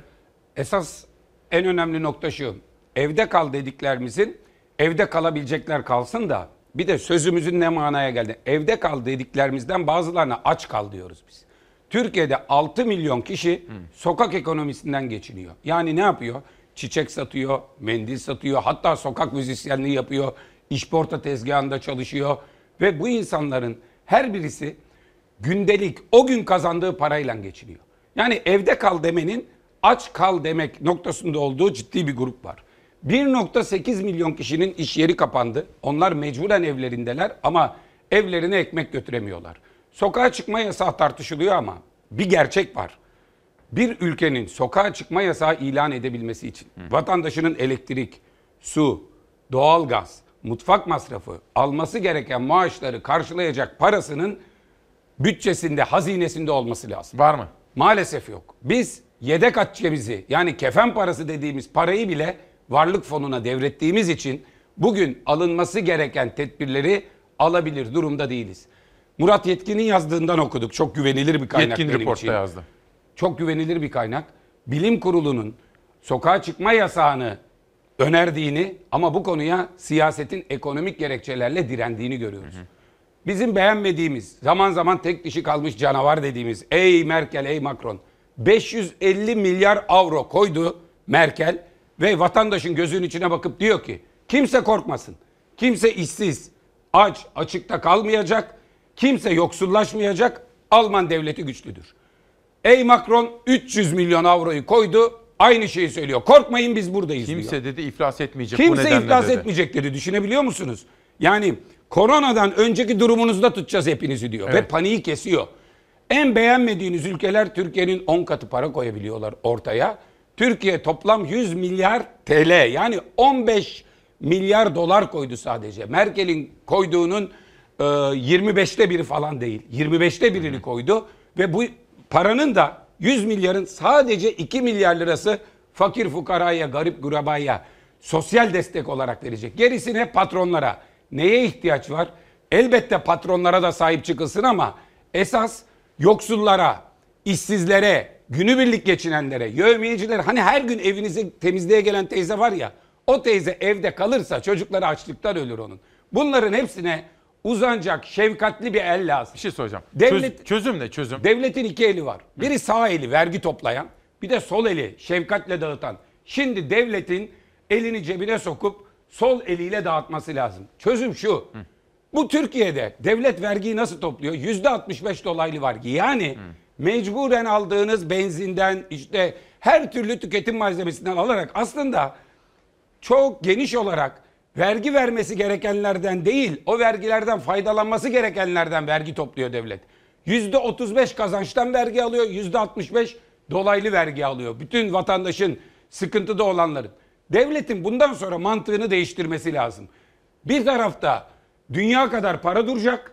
Örneğin bizim hep söylediğimiz zaman zaman işte Salih Tuna da bugün eleştirmiş yani söylediniz. Evet. O beş tane müteahhit var. Beş tane kullanan dev var. Ne yapıyor bunlar? Otoyolları yapıyor. Havalimanlarını yapıyor. Tünelleri yapıyor. Bunlara bir de üstüne geçiş garantisi veriyorsunuz. Hatta bugünlerde geçişler yüzde yetmiş azalmış. Devlete maliyeti 10 milyar lira. Çünkü geçmeyenin parasını veriyorsunuz. Bunlar her daim kazandılar. Bunlar şimdi biraz duracak. Devlet diyecek ki ben verdiğim bütün garantili ödemeleri bir yıl süreyle erteliyorum dediğinde herkes evde oturabilir. İki yıl süreyle erteliyorum dediğinde Bakın her bugün- ihtiyaç duyanın tüm Tabii. ihtiyaçları karşılanabilir. Bakın bugün Bir Gün Gazetesi diyor ki artık yandaşlar feda desin. Hep vatandaş yaptı diyor bakın. Hazine garantili işletmelerde araç trafiği %70 oranında azaldı. Halka aktarılması gereken milyarlar yandaşa gidecek. Çözüm şirketlere ödeme yapmamak. Aynen. Ben Bakın bunu bunu dört- CHP, İyi Parti, HDP bütün partiler destekliyor. Dört gün önce Cuma günü bir basın siz de daha sonra çok verdiniz. O zaman da söyledik ve ben hiçbir mesajımın bu kadar yüksek destek aldığı bir süreci yaşamadım. Toplumun tüm kesimleri arıyor. Diyor ki ben AK Partiliyim hep verdim yine vereceğim ama bıktık artık bu beş tane müteahhite yapılan ödemelerden. Biraz esnafa yapılsın, çiftçiye yapılsın, memura yapılsın, işsizlere sahip çıkılsın. Bu müteahhitler semirciye kadar semirdiler. Yandaşlar birazcık Peki. kenarda otursun. Şimdi sevgili Türkiye'm, tabii biz İsmail Küçükkaya ile Demokrasi Meydanı'nda Çalar Saat'te bu koronavirüsü Türkiye'den ve dünyadan sizlere aktarmaya çalışıyoruz. Çünkü halkımızın bir bölümünün karşı karşıya kaldığımız riskin büyüklüğü konusunda yeterli fikir sahibi olmadığını düşünüyoruz. Ama Türkiye'den ve dünyadan koronavirüs haberlerini sizlere eksiksiz aktarınca inanıyoruz ki sizin sağduyunuz içerisinde koronavirüsün ne kadar büyük bir risk teşkil ettiğini hepimiz anlayacağız. Önce yurttan korona manzaraları. Yurt genelinde koronavirüs tedbirleri sıkılaşıyor. Hem kişiler hem yerel yönetimler salgının önüne geçmek için önlem alıyor. Yurt dışında okuyan öğrencilerin yurda dönüşleri ise devam ediyor. Uçuşların koronavirüs tedbirleri kapsamında iptal edildiği ülkelerde eğitim gören öğrenciler yurda dönüyor. Öğrenciler Kredi Yurtlar Kurumu'na ait yurtlarda tedbir amaçlı karantina altına alınıyor. Cumhurbaşkanı Yardımcısı Fuat Oktay açıkladı. İngiltere, İrlanda, İsviçre, Polonya, İtalya, Mısır ve Kuzey Kıbrıs Türk Cumhuriyeti'nde geçici olarak bulunan ve dönmek isteyen öğrencilerimizin tahliye işlemleri tamamlandı dedi. Bugüne kadar toplam 2721 öğrenci yurda getirildi. Gece saatlerinde İtalya'da eğitim gören 400'ün üzerinde öğrenci Türkiye'ye getirildi. Samsun'daki öğrenci yurtlarına yerleştirildi. Eğitim için İngiltere'de bulunan toplam 100 kişi Sakarya Serdivan'daki öğrenci yurtlarına, Pakistan ve İsveç'ten getirilen öğrenciler ise gece saatlerinde Bolu'daki öğrenci yurtlarına yerleştirildi. 14 gün boyunca gözetim altında tutulacaklar. Sağlık durumları anlık olarak takip edilecek. Sürecin sonundaysa kontrolleri yapılıp evlerine gönderilecekler. Gece saatlerinde denetimler sürdü. İstanbul Beyoğlu'nda farklı şehirlere ait yardımlaşma derneklerine baskın düzenlendi. Dernek lokallerinde genelgeye aykırı şekilde toplu halde vakit geçirenlere para cezası kesildi. Dernekler mühürlendi. Ankara şehirler arası terminal işletmesinde de otobüsler tek tek denetlendi. Otobüsler kapasitesinin yarısı kadar yolcu aldı. Almayanlar uyarıldı. Zorunlu olmadıkça lütfen dışarıya çıkmayalım. Yerel yönetimler, emniyet teşkilatı ve pek çok gönüllü. 65 yaş üstü yüksek risk grubu için çalışmalar yapılıyor. Aydın Belediyesi de onlardan biri. Risk grubundaki yaş almış Aydınlılar sipariş veriyor, Aydın Büyükşehir Belediyesi getiriyor. Ancak buna rağmen riski göze alıp dışarı çıkanlar da yansıyor kameralara. İzmir'in Foça ilçesinde pazarda belediye ve emniyet görevlileri sokağa çıkma kısıtlamasına uymayanları uyardı. Pazara gelenlere el dezenfektanı ikram edildi. Giriş çıkışlarda dezenfekte sağlıyorum. İzmir genelinde ise koronavirüsle mücadele kapsamında alışveriş merkezleri İzmir Büyükşehir Belediyesi'nin talimatıyla geçici süreyle kapatıldı. Bolu'da ise akıllara durgunluk veren bir olay yaşandı. Bir vatandaş arabasının üzerine tabut bağladı. Tabutun üzerine bu tabutta sen olmak istemiyorsan evde kal yazdı. Ne yapıyorsunuz şu anda? Bizim de bir evde kalma açısından farkındalık oluşturmamız için bir proje yapalım dedim. Aklıma bu geldi. Araçtan sela sesi de yükseldi. Aracıyla kentin çeşitli noktalarında tur atarak sela okutan Murat Çalık'ın otomobilinin üzerindeki tabutu görenler şaşırdı. Çalık farkındalık yaratmayı hedeflediğini söyledi. Bu bir vebaldir. Başkalarını ölüme sürüklemektir. Komşumuzun vefat vefatına sebep olabilir. Arkadaşlarımızın, ailelerimizin. Bu işi ciddiye almamız lazım. Şimdi evde kalmamız için de yeni bir işaretimiz var. Bu da tüm Türkiye duysun. Böyle bir işaret. İhbar üzerine polis aracı durdurdu, tabut söküldü, sela yayını yapılan ses sistemi iptal edildi. Araca yüksek sesle yayın yapmaktan, mevzuata aykırı yüklemeden yaklaşık 400 lira para cezası kesildi. Özgür Özel'e soracağım şimdi ama önce Milliyet Gazetesi'nde bir ekonomi manşeti. Koronavirüs mücbir sebep. Koronavirüs 16 sektör ve serbest meslek erbabı için mücbir sebep sayılacak. Bu alanlarda faaliyet gösterenlerin vergileri 6 ay ötelendi diyor. Geçelim Yeni Çağ Gazetesi manşetine. Büyük çöküş. Covid-19 salgı nedeniyle bu yıl küresel resesyon yani durgunluk beklediklerini açıklayan Uluslararası Para Fonu Başkanı Kristalina Georgieva yaklaşık 80 ülke yardım istiyor. 1 trilyon dolarlık kredi kapasitesini kullanmaya hazırız dedi. Türk'ün gazetesine baktığım zaman da ekonomiye istikrar kalkanı manşetini görüyorum. Ekonominin patronu Berat Albayrak'ın haberi. Şimdi efendim bakın. Bir kameraman bana doğru gelebilir mi? Ben ölüm ilanlarına bakıyorum ya. Sözcüde gördüm bu defa. Mualla Nusret Atasokun. Kaybetmişiz. Allah rahmet eylesin. Ama altta bakın ne diyor? Salgın nedeniyle cenazeye gelinmemesi. Bak aile cenazeye gelinmemesini rica ediyor. Arzu edenlerin hayır kurumlarına bağışta bulunmalarını rica ederiz. Şimdi Özgür Bey siz bir eczacısınız. Eşiniz Didem Hanım eczacı Evet. Soma'da. Manisa'da, Manisa'da, Manisa'da. Manisa'da. Kızınız İpek üniversitede öğrenci. Siz bir anlatın bize ne yapıyorsunuz mesela nasıl koruyorsunuz kendinizi? Şimdi İpek artık evde tabii. Tabii karantina Ee, gibi. karantina İzolasyon gibi. diyelim. İzo- izolasyonda okullar kapandı, tatil oldu. Ee, ama Didem eczanede ve e, Didem'in üzerinden şunu söylemem lazım. Eczacılara çok ciddi haksızlıklar yapıldı bu dönemde. Eczacılar 35 kuruşa aldıkları maskeyi 50 kuruşa, 40 kuruşa aldıkları maskeyi 50 kuruşa satan, sabit kar marjıyla çalışan ve en e, olabilecek en yüksek mesleki etik değerlere sahip meslek grubudur. Kendi kendilerine odaları denetler. Eczacılar maskeyi 35, 38, 40 kuruşa alırken 3,5 liraya almaya başladılar. Ve eczacılar o maskeyi 4 liraya bile değil, çoğu utanıp 3,5 liradan aldığı fiyattan satıyor eczacılar ya da 4 liradan satıyorlar. Ama döndüler bazıları dediler ki ya kardeşim eczacılar fahiş fiyat uyguluyor. Eczacıların iç denetimi yüksektir. Bakanlık denetimindedir. Ve bütün eczaneler bir ürünü aynı fiyat satıyorsa bilin ki orada hiçbir fırsatçılık yok. Fırsatçılar var.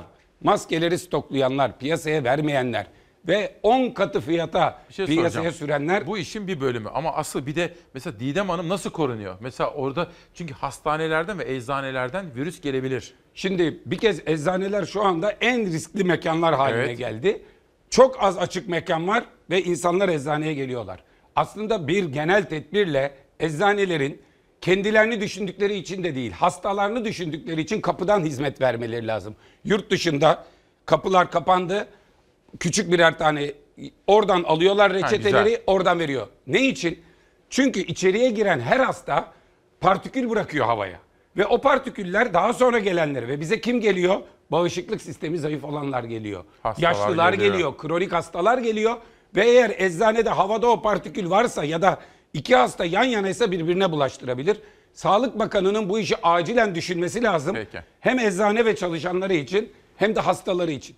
Didem Hanım eve geldiğinde üstünü başını çıkarıyor, kendini dezenfekte ediyor. Mümkün olduğu kadar e, dışarıda varsa aldığı bir şey eve taşımamaya çalışıyor. Ama tüm sağlıkçılar, tüm doktorlar, eczacılar, tüm sağlık çalışanları ve hastanelerde çalışanlar, taşeron işçisi bile çok ciddi risk altında. Çocukları ciddi Peki. risk altında çok önemli bir görev Bir de bir de hepimizin büyükleri var. Mesela sizin de e, anneniz Annem, var, babam. Şükran Hanım var, Evet. Talat Bey var. Onları da soracağım. Ama biz biraz evvel yurdumuza baktık ya. Yurdumuzda yapmamız gerekenleri nasıl öğreniyorduk? Dünyaya bakarak.